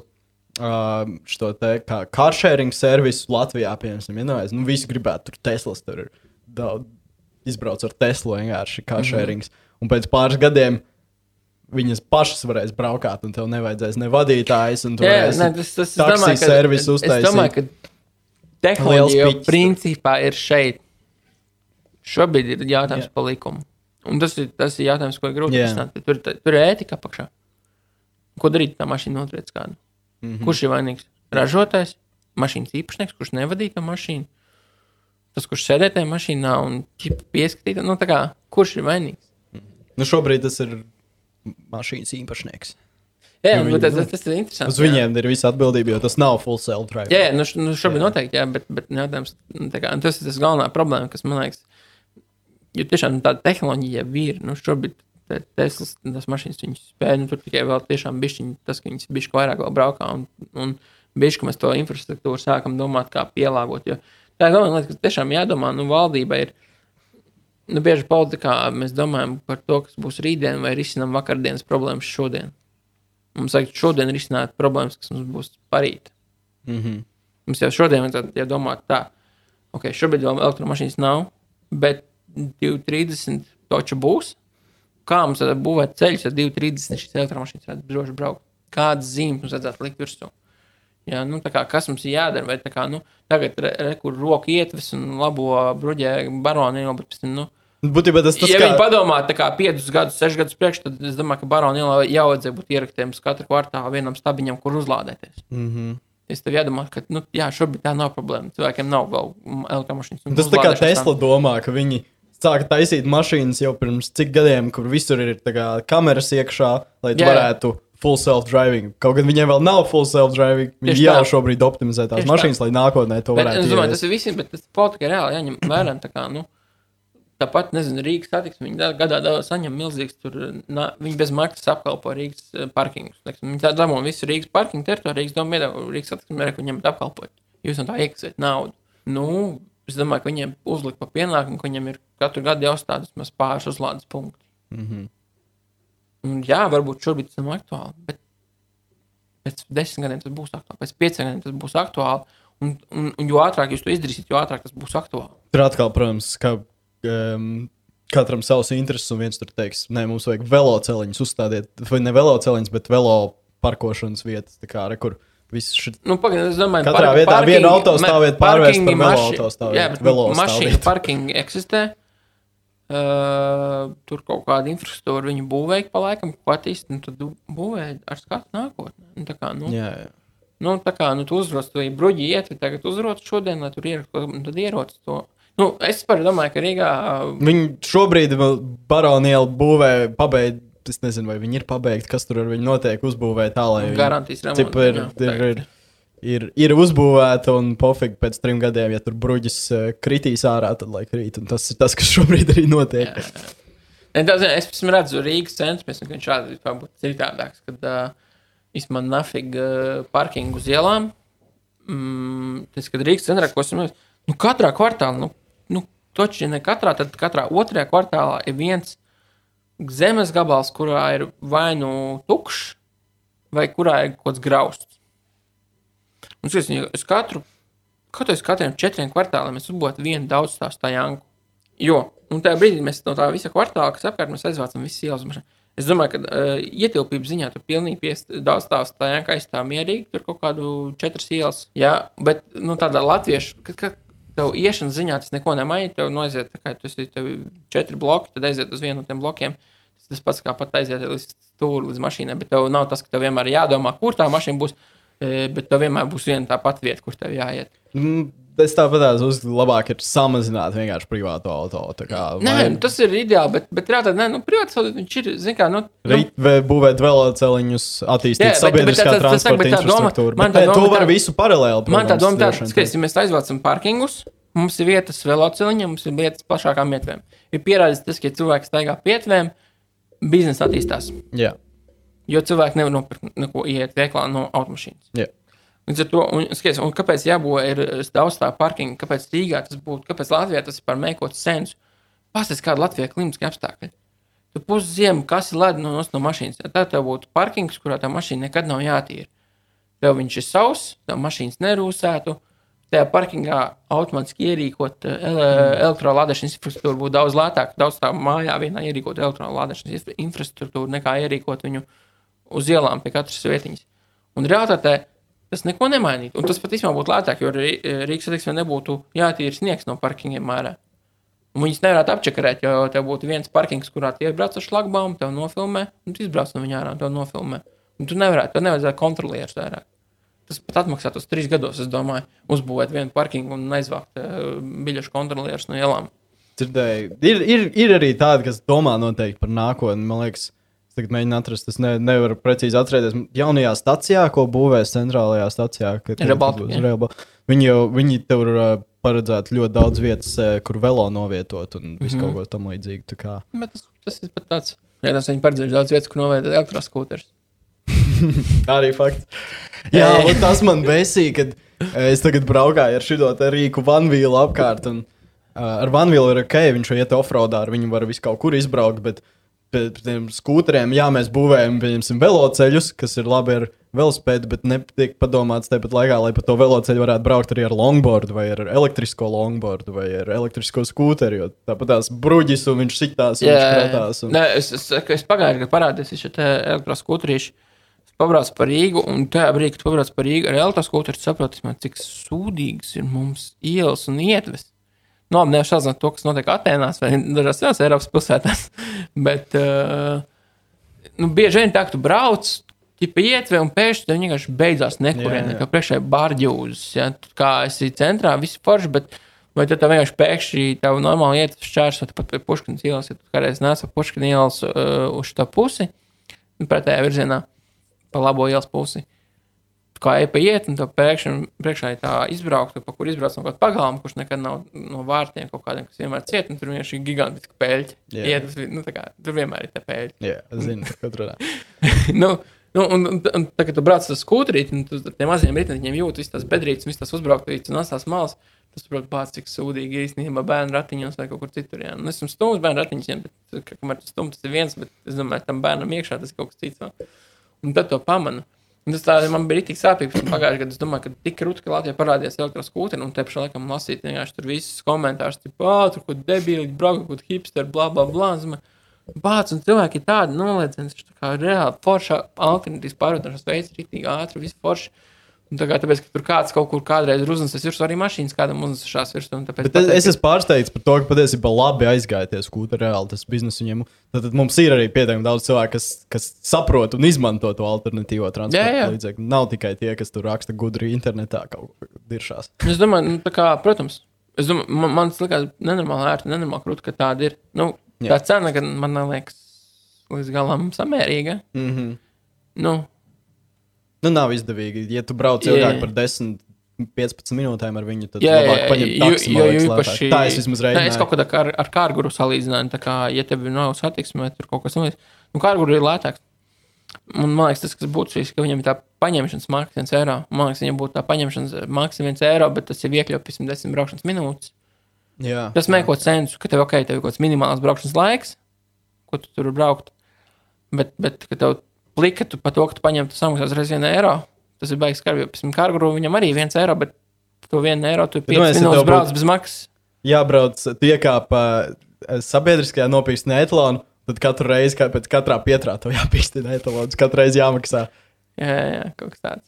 Tā kā, jā, ja viņš kā ir grūti, tas izmaksas ir. Ja nu tādas pašas, tad augstāk, gan daž, dažbrīd uz distanci ņemot. Un, uh, kas ir kārguru un kas ir skūters, skūters maksā 700 eiro, kārguru tas ir 20 tūkstoši eiro. Protams, viņi nolaidos ātrāk, bet nu, tas atkal ir tas biznesa faktors. Uztaisīt to tehnoloģismu tādu, lai viņi būtu neiznīcināmāki, neiznīcināmāki un tie skūteri kaut kādi izturīgāki. Mm -hmm. Jā, šobrīd tas arī nav baigi sustainable, jo tur rēķināja Amerikā, man liekas, ka viena skūtera, tieši kurš tiek iznomāts, dzīves ilgums ir aptuveni viens mēnesis, līdz viņš tiek salauzts. Nē, nu, viņi var remontēt, protams, un tā, bet Tāpat tās viņi nav, nav izturīgi, baigi. Bet, jā, es domāju, tas ir nu, tiešām tas, kā viņi pielāgojas un, un, un attīstās. Viņi ņem, nezinu, skūpsturs, vienīgais ir Ninebots. Es domāju, ka kāda liela kompānija, kas reāli močīja, viņi paši iegulda kaut kādā eh, RD un izstrādā dizainu un uztaisīja tur rītīgā metāla rāmi, tur bez plasmas detaļām un bez liekiem tur fiņķu kļuškām nolaužamām. Es domāju, kāpēc ne? Nu, protams, ir, ir cilvēki lopi, kas redzēs kaut kur vienkārši brutāļi, kā tos skūpsturs daudz pret zemiem no sērijas. Ja? Uh, protams. Iemet Daugavā. jā, jā, jā, nu, nu, ir, ir. Bet, uh, nu, okay, bet tu arī vari, nu, es domāju, izdomāt kaut kādu mehānismu, viņa kā to kontrolēt. Pārējiem vienā pusē man izlādējās uh, otra kamera, uh, un es tikai gribēju atvadīties. Un, um, vēl, man liekas, mēs jau diezgan daudz esam izrunājuši. Es pat nezinu, man par pat ko nav, vēl. Man Es, pat nav jāsmas, cik pūkstens. Jā. Uh, tagad ir uh, 5,49 Ir, ir laiciņš, ir laiciņš. par, uh, par visu, par izglītību, par politiku un beigās par skūteriem. Noteikti, ja jūs gribat vēl kādreiz dzirdēt viesturu, es viņu uzaicināšu vēlreiz, jo ar viņu var runāt gari un dikti un uh, ir rītīgi forši man pašam. ko patīk. diskusiju taisīt, kur vēl, vēl kāds. Paldies, Edgars, ka uzaicināji. Jā, nav par ko. Jā, bija prieks par Pa- Paldies, ka tu ierosināji šo, ka man tevi būtu jāuzaicina. Nu, nē, tas bija nu, labi. Jā, labi. Jā, tā- Es- tā es- bija. Es uzprasīju, viņš Tu uzprasījies. Bet nu, es tev gribēju uzaicināt. Un es to nesaku tikai, lai tu justos labāk. Paldies, ka noklausījies. Uzspied uh, 5 zvaigznītes, ja tu šo klausies Apple podkāstā. Uh, iekomentē YouTube, uzspied laiku. Un, uh, piesako piedzēn garam. Ah, jā, Facebookā. jā ieplago sevi. Vēl piedzim gars, vēl kaut kas. Piedzēn gars, citāgais. Ok. Čau visiem. Palieciet Čau. svaigi.